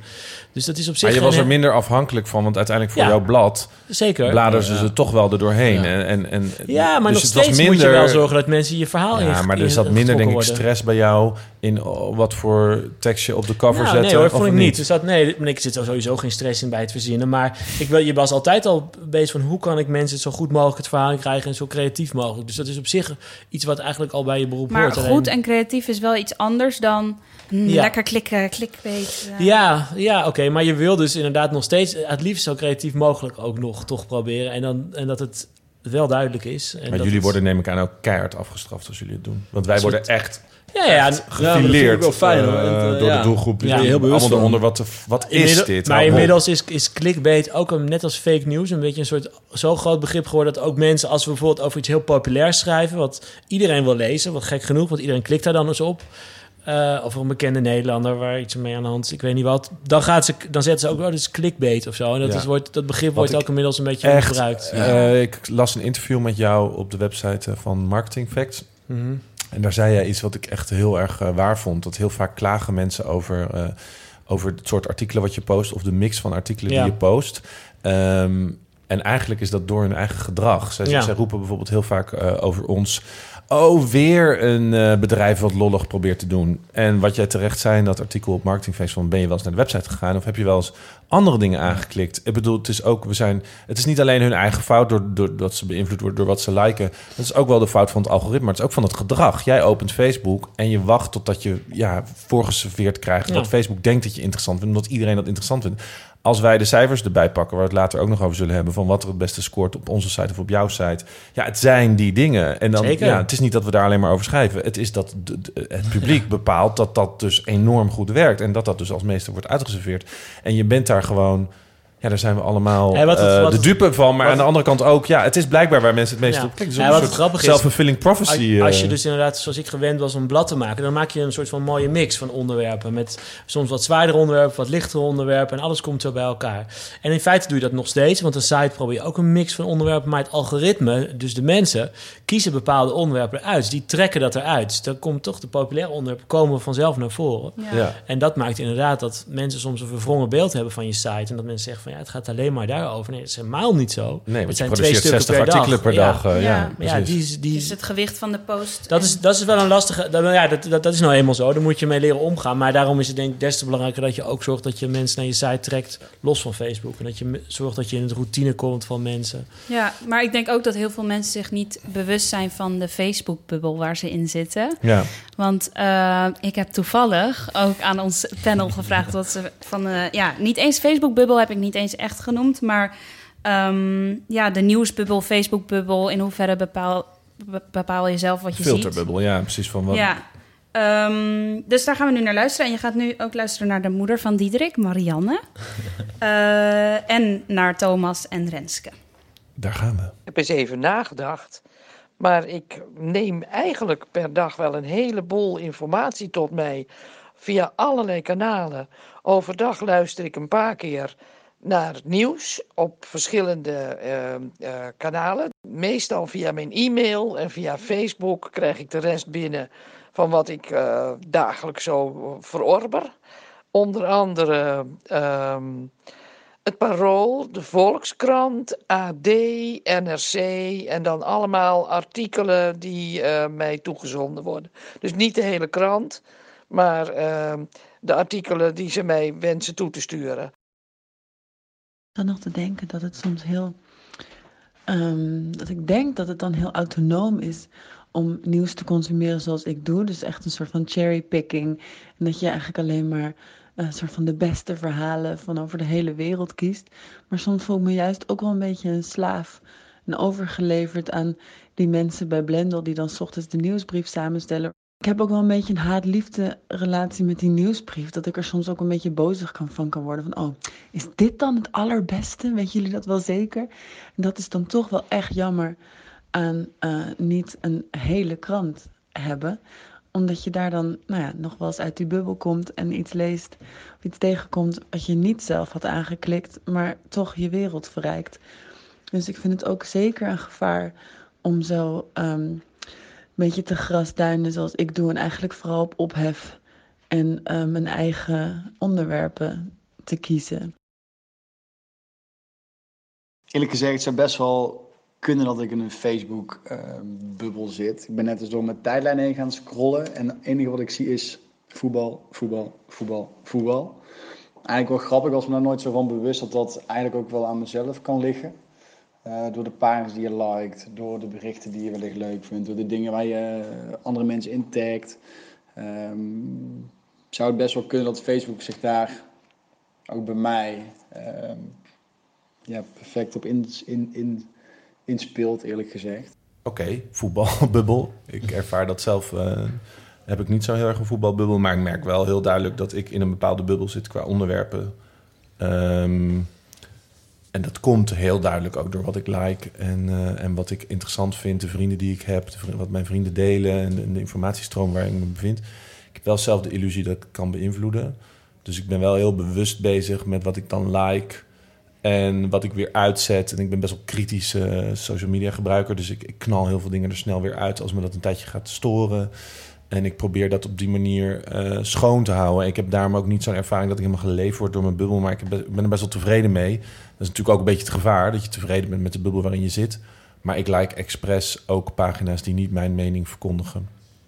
Ook wel door mijn werk en dat is natuurlijk een ander gevoel. Maar zie je die vervolgens dan ook nog verschijnen? Want dat is natuurlijk ook nog wel eens zo. Dat je ja, ja, ik zie ze niet meer ziet. Ja, ik zie zeker ook wel dingen waar ik het niet mee eens ben, bijvoorbeeld. Of waar, waar mijn haren recht van overheen staan. Het ding is wel dat inmiddels Facebook bijvoorbeeld echt doorslaat in het vooral vertonen waar je vrienden al op reageren of al geliked hebben. Hmm. Waardoor het bijna altijd een mening of een, een nieuwsartikel is waar al wat vrienden op geliked of gereageerd hebben. Dat stoort mijzelf nogal.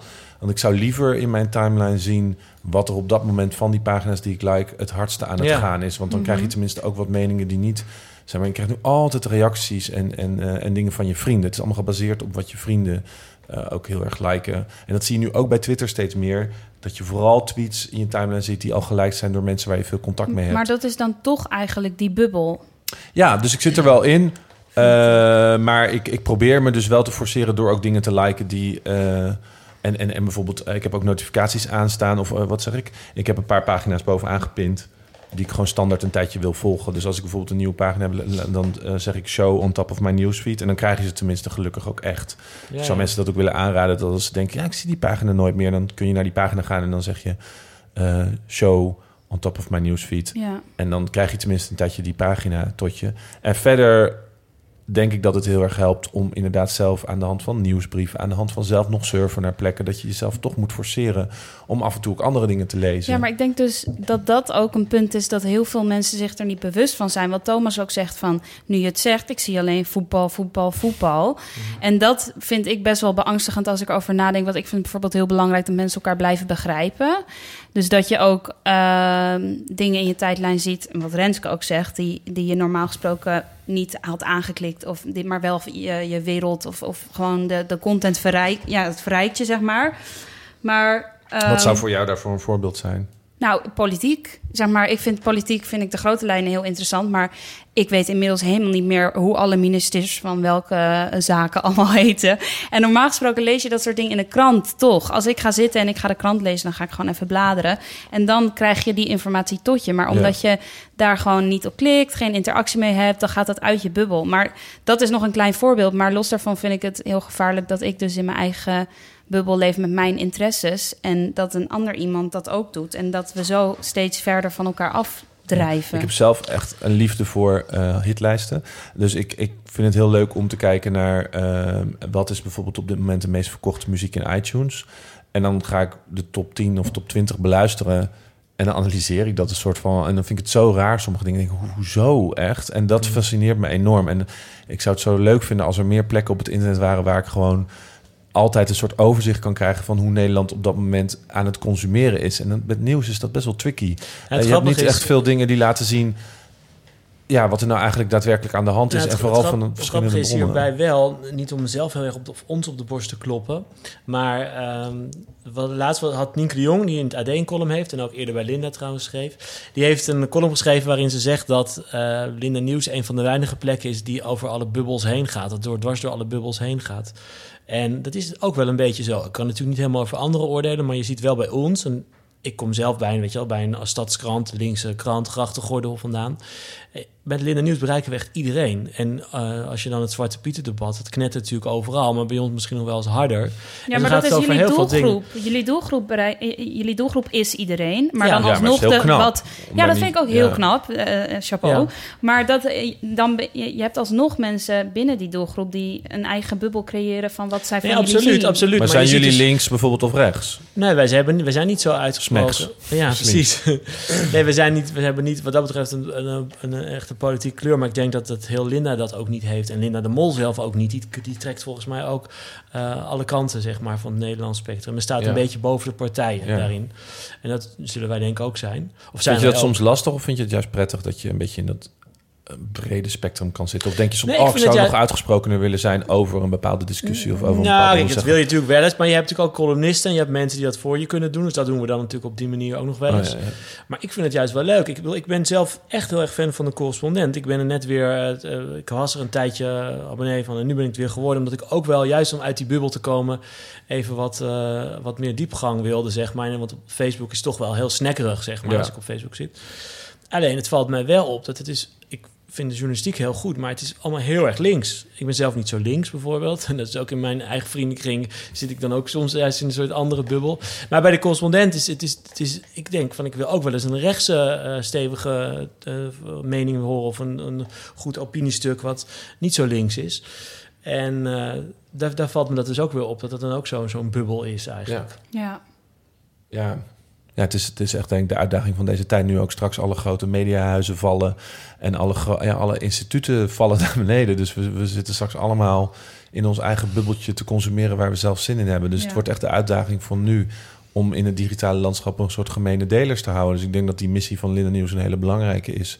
Mhm. En ik, ik ambieer dat zelf ook wel om toch een gemene deler ergens nog in te vinden zonder een soort halfbakken, eh, ja, om nergens meer een Ja. mening over te hebben. Maar wij hebben wel bijvoorbeeld, ik vind het best wel prettig zelf om mensen zelf hun mening te laten vormen. In plaats Ja, van klopt. alles gekleurd te laten zijn of alles een bepaalde kant. Denk je ook over veel onderwerpen, eh, denk ik ook wel, nou, ik ben eigenlijk eerst meer benieuwd wat mensen daar zelf van vinden, dan dat, dat, dat wij daar die mening moeten opleggen aan iemand.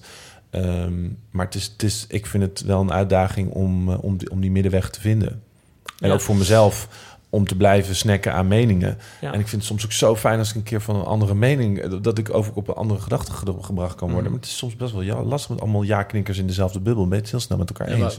Daarin merk ik zelf ook eh, meningen. eh eh, eh, nieuwsites op Facebook die dus ehm, eh, best wel viral gaan met- ehm, omdat ze een goed nieuwsitem hebben. Daaronder zie je eh, wel heel veel Facebook comments van mensen die een mening verkondigen. Mm. Zo vind ik ergens dat je wel nog een redelijk beeld krijgt van mensen die prima een andere mening kunnen verkondigen dan Ja. jij. Ja, ik heb echt een haat-liefde verhouding met de Facebook eh, comments. Ik ook, vooral Maar ik ben er wel dol op. En het is heel fijn om te zien dat bijvoorbeeld heel vaak ook eh, op onze website... dan is er eerst mening A en dan... ah, daar komt mening B. En die krijgt dan ook allemaal likes. En dan, gaan ze, en dan is het toch heel vaak een soort fijne middenweg. Dat ik denk, oh nee, goed. Het is Sommige heel erg zelfcorrigerend Ja. altijd. Het ook Ja. als iemand gewoon iets echt heel raars zegt. Kijk, als iemand iets iets eh, tot geweld oproept of echt een racistische dingen zegt, halen we het meteen weg. Maar we laten ook wel veel staan, dat er altijd weer een tegenreactie op komt en dat mensen elkaar corrigeren.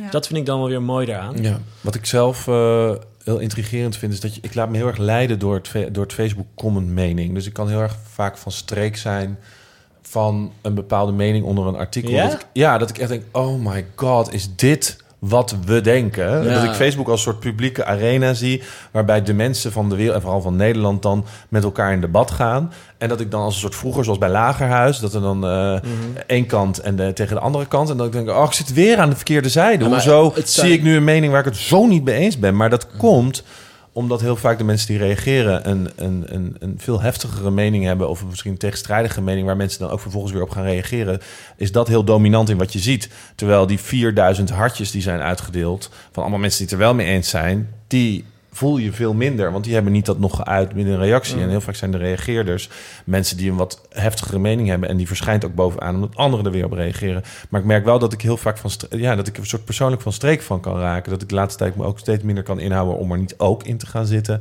Ja? En zelf, ja, dat ik dan zelf eh, mijn mening ga verkondigen. En, en tot op het bot. En ik denk soms ook wel eens, ja, maar als ik het niet doe, dan blijft die mening maar hier gewoon staan en zegt niemand het tegenovergestelde. En je ziet inmiddels best wel veel dat daar een soort publieke debatten worden gevoerd. Ja, ik vind ze heel interessant. Ik analyseer ze ook graag. Maar het En- punt is wel, is het dan niet grappig dat je, eh, om, om even terug te komen op die bubbel en of die zo beangstigend is. Ehm, ja, je Facebook-timeline eh, wordt redelijk eh, bepaald door je vrienden, wat je vrienden interesseert, wat je zelf interesseert. En ook je sociale werkelijkheid eh, was ook een referentiekader van de dingen, eh, de bladen die jij koopt en de vrienden met wie je opgaat. Maar nu zie je dus toch mensen die niet per se jouw vrienden zijn, wel de discussie Ja. bak met elkaar aangaan. Dus Ja. zo beangstigend is die Facebook-bubbel dan ook niet. Want je ziet Nee, dat vind ik ook leuk, ja. Ja. onder nieuws zie je alsnog wel veel meningen. Maar heb, heb je niet zelf ook dat je in je persoonlijke vriendenkring het heel vermoeiend kan zijn om iemand om je heen te hebben waar je het de hele tijd niet mee eens bent? En dat is, eh, ik, ik, het lukt me gewoon. Ik moet heel eerlijk zeggen, ik, ik, ik trek het gewoon niet. Ik, ik trek het. Nee, en dat komt er niet eens door dat ik het erg vind dat diegene een andere ehm, een mening heeft. Maar ik trek gewoon die energie niet om de hele tijd. Je bent alleen maar in discussie. Het is zo lekker om bijvoorbeeld met mijn partner. Ja, wij zijn het gewoon eigenlijk best wel heel erg vaak met elkaar eens. Je hebt ook relaties die de hele tijd met elkaar in de clinch liggen. Nou, ik ben dan toch daar misschien wat... Omdat ik me zo aantrek. Hè, ik denk dat ook heel veel... Mijn vriend bijvoorbeeld trekt zich andere meningen niet zo sterk aan... dat hij daar emotioneel van wordt. Bij mij zit dat best wel op mijn Ja, zenuwen... als ik het niet met iemand eens ben. Ik kan daar best wel gepassioneerd over zijn. En eh, hij kan dat beter loslaten. Dus hij kan ook met mensen omgaan die dat minder erg hebben. Maar ik vind dat gewoon heel moeilijk. Niet omdat ik het erg van diegene een andere mening heeft... maar omdat me dat gewoon energie kost. Ja. En dat merk ik dan wel op Facebook. Dan ga je dus ervoor weg. En dan denk je, nou, ik ga alleen maar mensen om me heen verzamelen die ook eh, deze mening hebben. En dat is wel echt heel gevaarlijk. Dus het is ook meer een breed maatschappelijk ding. Wat je eigenlijk in je normale sociale leven. Eigenlijk heb ik daar ook wel een handje naar. Dat ik toch liever mensen. Ja, maar ik wil ook nog wel iets tegen inbrengen. Kijk, dat, wel van de andere kant, we klagen nu over bubbels, maar voor het internet en voor Facebook zat je überhaupt gewoon in je eigen bubbel Ja, en zag je die mensen helemaal niet. Dus vind ik ook. het is wel zo dat dankzij Facebook nu, ik bedoel, ik ben het vaak ook totaal niet mee eens, omdat het vaak heel simpel is van beide kanten, maar allerlei meningen geuit worden die je misschien vroeger helemaal niet hoorde. Ja. Dus aan de andere kant zou je kunnen zeggen dat je juist misschien meer bewust bent van je bubbel, terwijl Ja, ik- vroeger helemaal langs je heen ging. Een tip voor mensen om het boek Present Shock te lezen. En ik denk dat we nu in die shock... We zitten nog steeds in een soort shockperiode van het effect van de digitalisering. En dat is een van die shocks. De shock, Ja. de confrontatie met andere meningen. En de confrontatie dat Nederland niet alleen maar Amsterdam is... en een grachtengordel. Ja, maar of Nederland niet alleen maar uit gays Gisteren was het, gisteren was uit- het, eh, dat is een shock soms voor mensen. En voor mijzelf Ja. ook natuurlijk. Van, oh my god, wat hebben mensen toch een andere mening over dingen dan ik? Ja. Doe ze allemaal even, zelf wel even mijn mening zeg. En dat is gewoon niet zo. Tuurlijk is Maar dat niet zo. ik vond het wel verhelderend. Gisteren was de presentatie van het kabinet. Toen was er een discussieprogramma van Jort Kelder. En daar hadden ze dan... Op een gegeven moment hadden ze de teleurgestelde burger. Dat zijn eigenlijk de mensen die even heel zwart-wit gezegd... PVV en SP stemmen. Eh, en de, en Thierry Baudet. Dat is heel zwart-wit, maar dat is wel het grootste deel. Die hadden ze even helemaal uit, de, uit alles gehaald. Dus dat was 30%, 33% van de burgers, zeg maar, van de mensen die stemmen. En die hadden ze uit de statistieken gehaald. Nou, toen zag de wereld er opeens heel anders uit. Toen was het was hele, was echt 70%, 75% voor Europa. Eh zoveel meer mensen hadden vertrouwen in onze politici. Zoveel meer mensen. Nou ja, het was in ieder geval een soort, in ieder geval wat vrolijker wereldbeeld. En toen dacht ik wel van ja, het is heel goed dat we die mensen om hun mening vragen. En we moeten ook niet ze negeren. En er moeten ook oplossingen komen voor hun problemen. Maar we moeten ons ook niet alleen maar laten leiden Ja. door de 33% boze Oh, mensen. grappig dat je dat zegt. Ik heb juist dat ik soms vind dat ik me niet genoeg door hun laat leiden.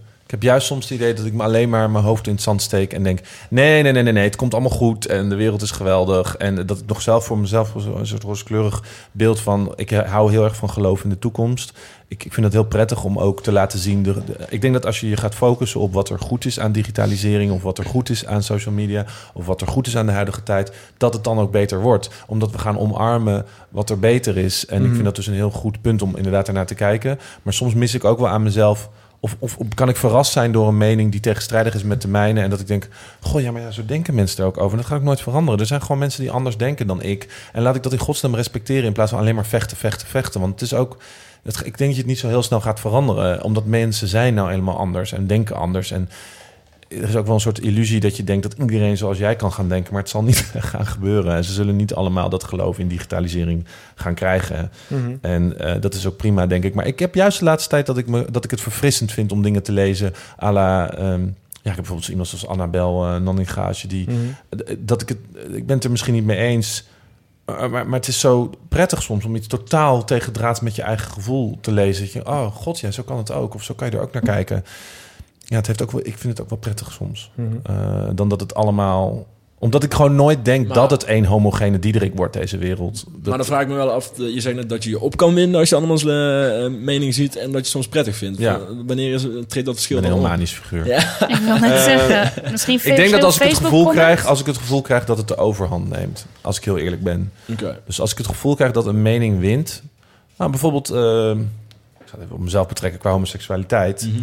Als ik het gevoel zou krijgen dat de wereld echt omslaat naar een anti-gay wereld, dan raak ik van in paniek. Dus als ik soms eh, berichten zie eh, over hoe mensen tekeer gaan tegen transgenders, of hoe ze in Amerika het prima vinden dat er allemaal wetten worden, eh, of dat Amerika voorstemt tegen dat het niet zo erg is dat er een doodstraf op homo staat.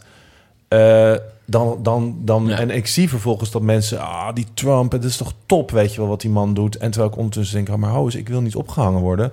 Eh, als het zo dichtbij komt, merk ik dat ik er heel erg van kan schikken als een bepaalde mening dominant wordt.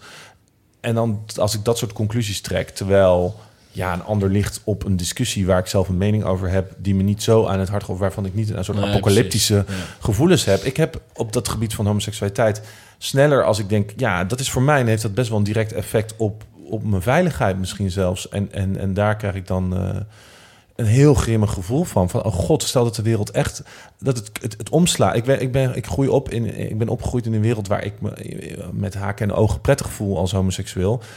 Ja, stel dat ik moet vluchten. Stel dat ik eh, niet meer dat mag uitdragen. Stel dat ik om deze podcast op een gegeven moment eh, Ja. eh, wordt eh, op wat voor manier dan daarom zou worden veroordeeld omdat ik homoseksueel ben.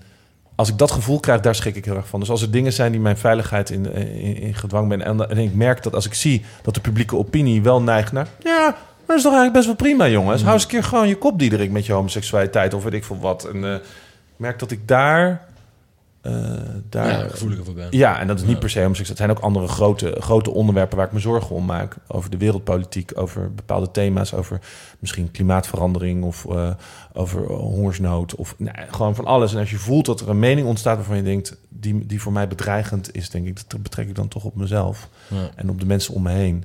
Daar schrik ik van. Terwijl als de mening is over een bepaald politiek idee hier in Nederland of over een belasting, eh, belastingwijziging. Ja, sorry, daar lig ik echt geen nacht van wakker. Ik kan me Ja. daarover opwinden, tuurlijk. En dan vind ik het dus prettig om een andere mening te leiden. Maar ik denk dat als het zo dichtbij komt, Ja, begrijpelijk. dat het dat is. Heb jij dat wel eens, Cato, dat je je bedreigd voelt door het nieuws? Of door dingen die je leest? Of dat je zo erg schikt? Nou ja, voor deze podcast had ik wel even nagedacht, sowieso over de Facebook-bubbel aan zich. En toen dacht ik wel, oké, dat ik mezelf daar heel erg op betrapte. Dat als ik door mijn timeline scroll, dat ik dan soms even denk van, nou zit ik op mijn telefoon bijvoorbeeld en dan even scrollen en dan zie ik een artikel waarin woorden staan zoals vluchtelingenboot verdronken.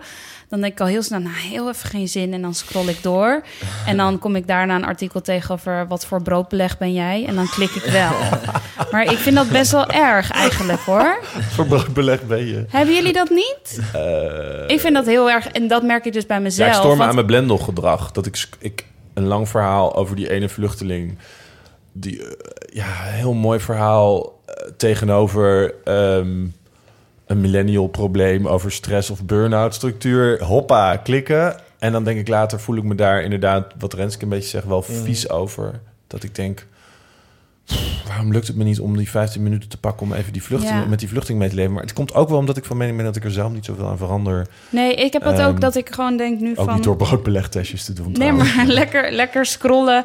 En, en dat vind ik beangstigend. Maar dat is natuurlijk een veel groter ding dan... eh, maar ik wil gewoon weer echt eh, tijd nemen om artikelen te lezen. En ik merk dat ik dat via Facebook gewoon niet doe. Dat ik liever even lekker snack. En dat als ik eh, eh, lang wil gaan lezen... dat ik dan echt papier moet hebben. En dat vind ik soms nog wel... eh, Nou, we hebben er ook wat eh, statistiek eh, bij gepakt nog over dit onderwerp. Eh, daar kan Jasper ons wat meer over vertellen. Ja, maar dan hadden we het ook vooral inderdaad over hoe we ons nieuws vergaren via social. Ja. En via welke kanalen. Eh, dus hebben wij op Facebook een vraagje gegooid en op Twitter een polletje gegooid. En die luidde als volgt. Ehm, via welk social kanaal verga je het meeste nieuws? En deze hebben we op Twitter gesteld. Dus het zal iedereen erg verbazen dat de meerderheid hier Twitter eh, stemde. Namelijk 82% Hoeveel mensen hadden gestemd? eh 408. Ehm, op de tweede plek Facebook met 11%. Ehm, derde Instagram. De mensen die hebben toegelicht op Twitter, ehm, onder andere Dini. eh, eigenlijk alleen maar via Twitter als het om social media gaat. Veel makkelijker, overzichtelijker en snel. Ehm, dan is er nog iemand die heel ouderwets eh, zelf zegt... eh, het journaal en papieren krant.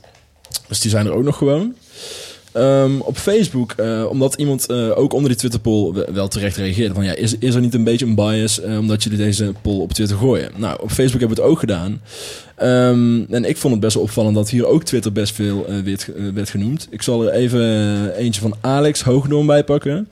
Eh, Twitter vind ik een fijne broedplaats voor ideeën. Facebook gebruik ik veelal om interessante artikelen te lezen, waarover je op Twitter dan weer interessante kritieken eh, of lofuitingen kunt lezen van mensen die het in een relevante context plaatsen. Ehm, iemand anders was ook best wel concreet. Eh, nieuws algemeen, sport, politiek, wereld. Daarvoor ga ik naar Twitter. Nieuws over evenementen. Daarvoor ga ik naar Facebook. Nieuws over mode, travel en vrienden ga ik naar Instagram. Nou, Cindy die vat het ook even op haar manier samen. Twitter is voor nieuws, Insta voor trends en Facebook voor familie en vrienden.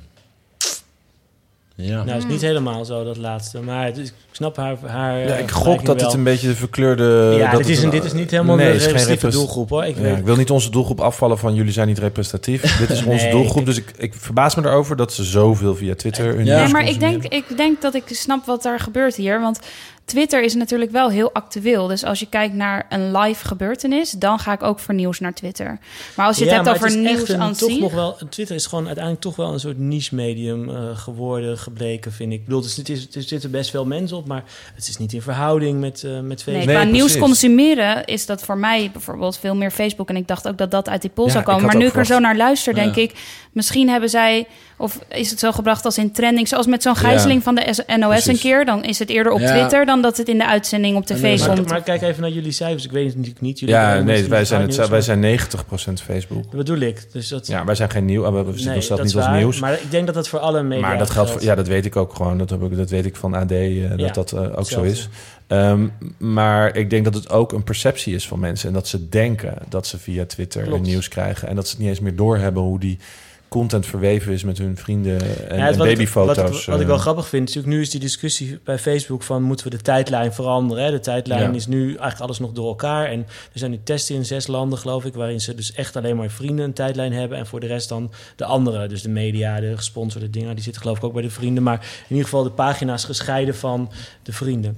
En dat is wat veel mensen ook wel roepen. Want dat is, dat is ook wat de klachten bij Facebook. Ik zie zoveel andere dingen, kan mijn vrienden Ja. niet meer zien. Maar uiteindelijk, weet je wel, is- wil je gewoon toch eh, weten wat er in de wereld gebeurt. Dus bij, in het leven van je vrienden, maar ook toch wel om je heen. En ik, ik vraag me echt af of dat ooit echt helemaal op die manier gaat gebeuren. Dat het zo mensen er elkaar enorm behoefte aan wordt. hebben. eh, En, en, Mensen vinden het stiekem Ja. toch leuker dan ze misschien zeggen. Want ik, ik heb mijn gevoel is ook, hè, ik wil meer van mijn vrienden zien. Maar misschien zou ik dan wel heel saai vinden worden op eh, al die posts van mijn vrienden. ja, dat hoorden we eerst heet als klacht. Van, ik hoef, toch niet de salades van mijn, van mijn oude buurmeisje te zien. Nee. En eh latte macchiato's die ze drinkt met haar, met haar vriendin. Ja. En nu is het veel meer een window to the world, heb ik het gevoel. Als ik op mijn Facebook inlog, is best wel repre- dan zie ik eigenlijk wel of, als er, of er een aanslag is of of er een. eh, eh, als er iets qua politiek gaande is, dat is bij mij heel erg gepenetreerd in mijn Facebook-timeline. Mijn Facebook-timeline Maar is ik een hoor heel wel groot veel mensen die zeggen van ik gebruik Facebook veel minder en ik ga naar Instagram. Eh, Merken jullie dat? Qua nieuws? Nou, überhaupt gewoon. Nou, qua, qua bereik van Instagram, dat is, daar kijk ik echt van op. Dat is zo gigantisch momenteel qua hoe hard dat gaat. En eh, ook de posts die wij nu op Instagram doen, die doen het rela- relatief qua hoeveelheid volgers veel beter dan Facebook. Dus dat gevoel heb ik wel. Maar nieuws consumeer ik niet op nee, niet eh, nieuws Instagram, per, per se, Nee, maar, maar, gewoon überhaupt ja, ja, ja, ja, ja, ja, verschuift Qua gebruik zeker. keihard. En daar, nou ja, ik ben daar heel benieuwd over hoe dat zal gaan eh, met Instagram. Mhm. Ehm, want ik heb een enorme behoefte aan nieuws op Instagram. Dus ik zou het heel fijn vinden als je bijvoorbeeld op de zoekfunctie trending topics zou zien, desnoods in beeld. Maar als er een aanslag zou spelen, zou ik dat helemaal niet erg vinden om daar op een bepaalde knop te kunnen drukken die mij want- foto's zou laten zien uit Las Vegas. Maar waarom zou je graag je nieuws op Instagram willen zien? Nou ja, omdat ik behoefte aan nieuws heb, denk ik. Ja, maar waarom op Instagram? Waarom dan niet even eh, Facebook openen? Ja, maar er is echt een hele grote groep. Wij merken het bijvoorbeeld. Een hele grote groep, maak ik mijn zin even af. Die gewoon dus het nieuws ook gebruikt voor. eh, Die ook op Instagram het nieuws pakt. En die ook helemaal misschien niet meer op Facebook zit. Toen we een foto van Van der Laan posten. Een zwart-wit foto. Een paar uur of een paar minuten nadat het bericht kwam dat hij was overleden. Waren echt mensen zeiden: Oh, hij is blijkbaar overleden. Weet je. Dus de mensen hadden. Kregen het nieuws echt binnen dankzij Instagram. Dat geldt zeker niet voor iedereen. Maar ik denk dat dat wel gaat gebeuren. Nou, kijk, meer. als je gewoon een hele dag... Dat is het meer waarom je, jij vraagt waarom zou je het op, op Instagram willen zien. Nou ja, omdat daar waar ik me veel begeef... wil ik me ook begeven in de trends van de wereld. En, en wil ik niet dat het een soort... Ja, wat is Instagram anders? Is het dan gewoon kattenplaatjes? En, en, en, en selfies van bovenlichamen? Ik bedoel, ik, ik, vind het, ik zou het helemaal niet erg vinden... als Instagram meer verfacebookt op dat gebied. Ja. Of meer vertwittert qua trending. Ehm, ik heb daar best wel behoefte aan, merk ik nu aan Instagram. Dat ik nu juist vaak denk... pff, Ja, het is heel veel buitenkant. Dat is natuurlijk, ja, dat precies. Ik zou het helemaal niet zo erg Ja. vinden als daar die, die slag wordt gemaakt. Alleen eh, voor Linda Nieuws en voor ons bijvoorbeeld is het best wel een uitdaging. Van hoe ga je je nieuws dan brengen? Want alles moet qua beeld en ze hebben expres geen doorklikfunctie. Ja. Ze hebben alleen de swipe-up dan in stories nu, die, wel heel, die vind ik wel heel handig. Ehm, Ja, ik vind het wel leuk hoor, want wij, wij zoeken daar echt Eh, eh, naar. Wij wisten eerst helemaal geen raad mee. We begonnen ooit met een apart account voor Linda Nieuws, een Instagram. Die hebben we opgegeven, want dat was gewoon niks.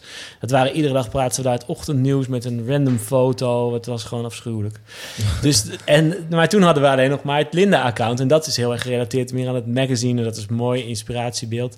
En daar wil je, het, het harde nieuws kan daar soms ook heel ongepast. Of eh, wil iemand die is overleden en je wil je eren, oké. maar gewoon elk random nieuws is misschien wat veel. Dus wij zijn heel erg aan het zoeken naar van hoe kun je toch, want er is echt een behoefte. Ik bedoel, als er, als er iets groots gebeurt, willen mensen dat weten. Hoe kun je dat dan toch doen? En dat, dat, daarvoor vind ik wel die stories heel interessant ook. Omdat je kan doorklikken, maar omdat je er ook dingen kan uitproberen. jij, jij moet toch een account weten wat goed nieuws maakt op Instagram? Ehm, ja, er zijn wel accounts. Nou ja, er zijn wel, ik vind dat de NOS bijvoorbeeld, NOS eh, eh, op 3 doet het best wel goed. En Al Jazeera heeft een soort jongere account. En er zijn Maar wel het is op jongeren gericht. Maar er zijn Ja. er ook brede nieuwsplatforms, eh, à la Huffington Post, of zijn Ja. die het echt al snappen hoe je eh, wa- wat meer echt nieuws kan maken. Ja, het zijn altijd wel, bijna altijd wel nieuwsvideo's. Hè? En, of het zijn alleen foto's uit het nieuws, zeg maar. En kijk, wij zijn op Instagram wel meer dan alleen maar een nieuwssite. Dus daar zouden we nooit alleen maar op losgaan, zeg Ja, dat is maar. moeilijk, want je bent ook inspiratie, denk ik. En inderdaad, dat Ja, backstage. en we willen een blad verkopen en we willen Ja. gewoon laten zien wat er op de redactie Er is geen gebeurt. grote Nederlandse of ehm, internationale partij. Nou ja, als me luisteraars. wat, wat dan een- een hele interessante is. Ja, ik vind zelf NOS kort ook gewoon Ja. knap, doordat je wel nieuws krijgt, verpakt in 15 of 30 seconden. Wat Ja. is het tegenwoordig? En wat het nieuws ook echt vertelt. Dus ze, hebben- ze doen daar niet veel meer dan echt het nieuws brengen. En hun enige doel is volgens mij nieuws. Ja. En dat is inderdaad best wel uniek. Want heel snel als een nieuwspartij op Instagram gaat... dan gaan ze foto's van katten en eh, ja, eh, stormen laten zien... en eh, prachtige zonsondergangen. Ja. Omdat Instagram een beetje dat medium is. Maar ik denk dus dat Instagram zal doorevalueren... omdat we daar zoveel tijd straks op gaan spenderen. Het is straks niet meer alleen maar fotografie en, en, en stories. En, eh, het, het wordt ook nieuws, denk ik. En, en het is denk ik nu slim voor grote nieuwspartijen... om daarover na te gaan denken van hoe kun je Maar, nieuws brengen het? daar. Now This, heet het Now This? Kennen jullie dat? Dat is zo'n, Mhm. zo'n, volgens mij heet het Now This. Dat is zo'n, dat is een, eigenlijk, die hebben zeggen, homepage bestaat niet meer, weet je. Dat hebben ze ook op hun, home- als je op hun homepage komt, te zeggen, ja, de homepage bestaat niet meer. Want je content reist gewoon op digitale, pla- op eh, social platforms. En die hebben dus echt heel erg van die nieuwsvideo's. Dus die zijn er ook wel echt goed in. Op social doen Ja. ze het, op Facebook doen ze het goed. Ja. Maar op Instagram, daar kom ik eigenlijk bij hun dus nooit. Maar ik weet, weet bijna zeker dat die video's op Instagram het ook goed moeten doen. Mhm. Ik ben eh, eigenlijk om het nog even op Linda nieuws te betrekken.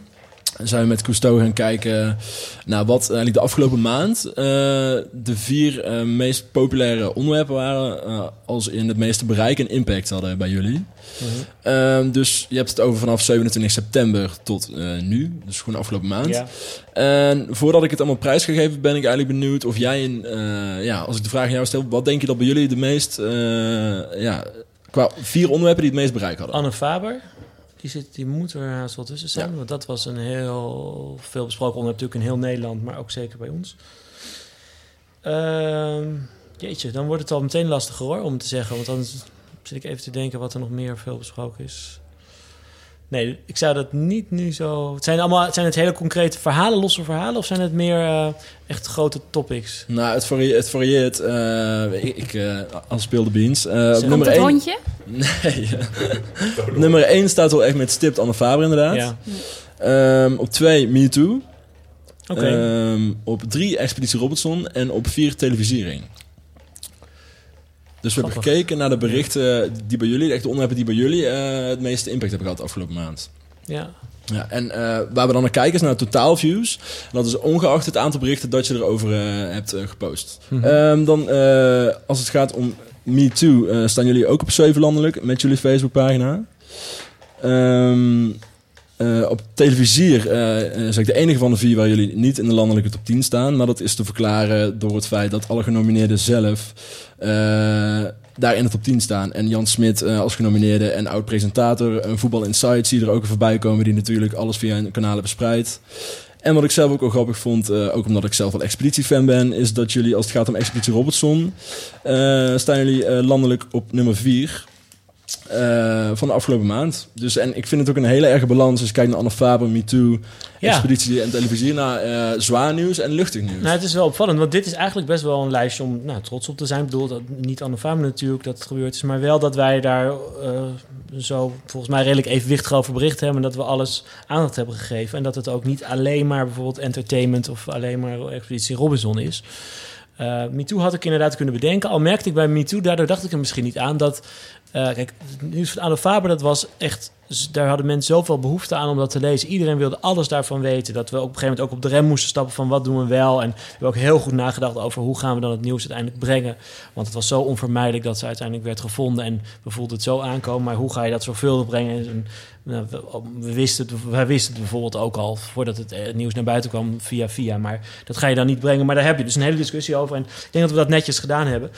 Eh, en bij MeToo merk ik wel dat we daar, we hebben daar veel over geschreven, maar je merkt al heel snel een vermoeidheid bij mensen eh, over die, dat hele debat. Wat je nu ook wel in de kranten leest, maar ook veel mensen die het gezeur vinden en mensen die er eigenlijk al snel geen zin meer in hebben.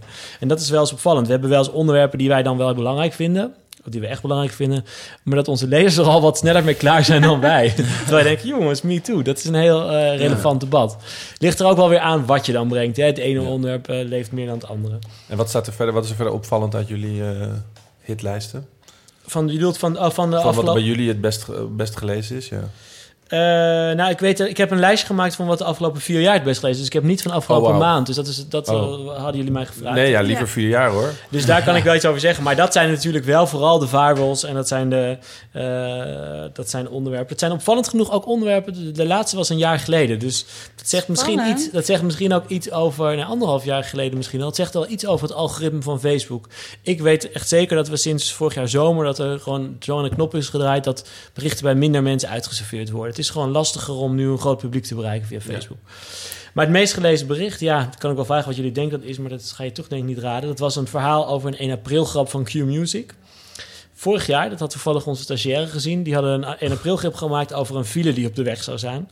En het liep volledig uit de hand. Nou, dingen die volledig uit de hand Wacht lopen. even, stond dit, is dit clickbait? En Nee, het, was, het, liep ook volledig nee, het liep ook volledig op de hand, want de hele, ik weet niet meer, de A zoveel stond vol. En het was Oh. hele, het was, er was dus een soort file ontstaan in Nederland. Dat was het geloof ik. En Nederland bleef massaal thuis en ging dus niet met de auto naar het werk, omdat er een zogenaamde enorme file was die er niet was. En Hebben jullie dit in jullie bubbel Mm, ja, ik heb gezien? hem gezien. Ik niet. Ik ook niet. Helemaal ontgaan. Het was een soort berichtje met een kaartje erbij van die file of van die file erbij. Ja, dat was het inderdaad. Oh, Klopt. ja. Ik had het ook nooit zien aankomen hoor, dat deze. Dit En hoe vaak is het niet. gelezen? Eh, 750.000. Dus, eh. Jezus. Wel. Ja. Wij hebben een keer een bericht gehad met 1,3 miljoen kliks. En dat was ook eh, nee, dat was niet uit de hand, maar eh, het loopt helemaal uit de hand. Maar dat was een bericht over hoe KLM reageert op een brutaal verzoek. Eh, wat denk ik wel uit de hand liep trouwens. Ja. En later hadden wij namelijk ook een artikel in die, ja, het is iets langer, is twee jaar of anderhalf jaar geleden, met een conversatie die ook uit de hand liep. Dus wij Ja. hadden het nog gisteren erover dat volgens mij het woord uit de hand lopen, dat mensen daar graag op klikken. Ja. Ja. Nou, maar je zag ook wel, ik, ga nu- ik kan het hele lijstje bespreken, maar ik zag wel in het lijstje dat dingen die dus in 2014, 2015 het supergoed deden, virals, dat het zou nu nooit meer zo. Nee, dat is met KLM bijvoorbeeld ook. Echt. Ja, ja, precies. Je had toen een logisch, algoritme. Mensen zijn verwend ook. Mensen doen veel meer mensen het. En het algoritme is anders. Nou, ik denk ook omdat iedereen elkaar overneemt. Dus Ja. als je op een gegeven moment een hit hebt, dan komt dat bij iedereen omhoog. En schrijft Linda erover, schrijft AD erover, Ja. schrijven wij erover. En dan wordt het niet... Dat KLM-artikel heeft nooit iemand anders over geschreven. Dus wij konden in ons eentje in een week tijd 1,3 miljoen pages binnenharken... omdat niemand erover geschreven heeft. Wij waren Nou, bij ons staat bijvoorbeeld op nummer 5... Non gaat los tijdens auditie The Voice Italië. Op nummer 5. Wat? Nou echt. Oh, het zou echt genieten. volgens mij niemand meer... Nou, niemand meer op klikken. Het was een heel fantastisch fragment. Ik heb hem teruggekeken. Dat was ook wel leuk. Maar ehm, ja, het, was, het, zou, het zou nu nooit meer zo veel doen als, voor, als vorige keer. Nee. Dus het is wel, dat is wel, eh, eh, eh, wel opvallend. Ja.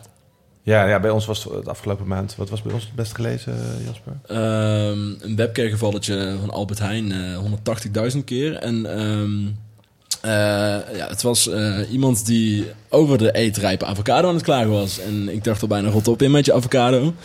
Die, ja, die blijft zo tijdloos populair ook. Ehm, ja, en het kwam er eigenlijk op neer dat zij, want ik heb hem hier volgens mij ook bij me. Ehm, ja, nou, eh, op de wal van Albert Heijn gebeurt echt sowieso heel veel leuks. Ehm, en dingen die viraal kunnen gaan. Maar Gita is haar naam. Die ja, klaagt eigenlijk op haar manier, want er zijn inmiddels al duizenden manieren, over het feit dat de eetrijpe avocado van de appie niet eetrijp is.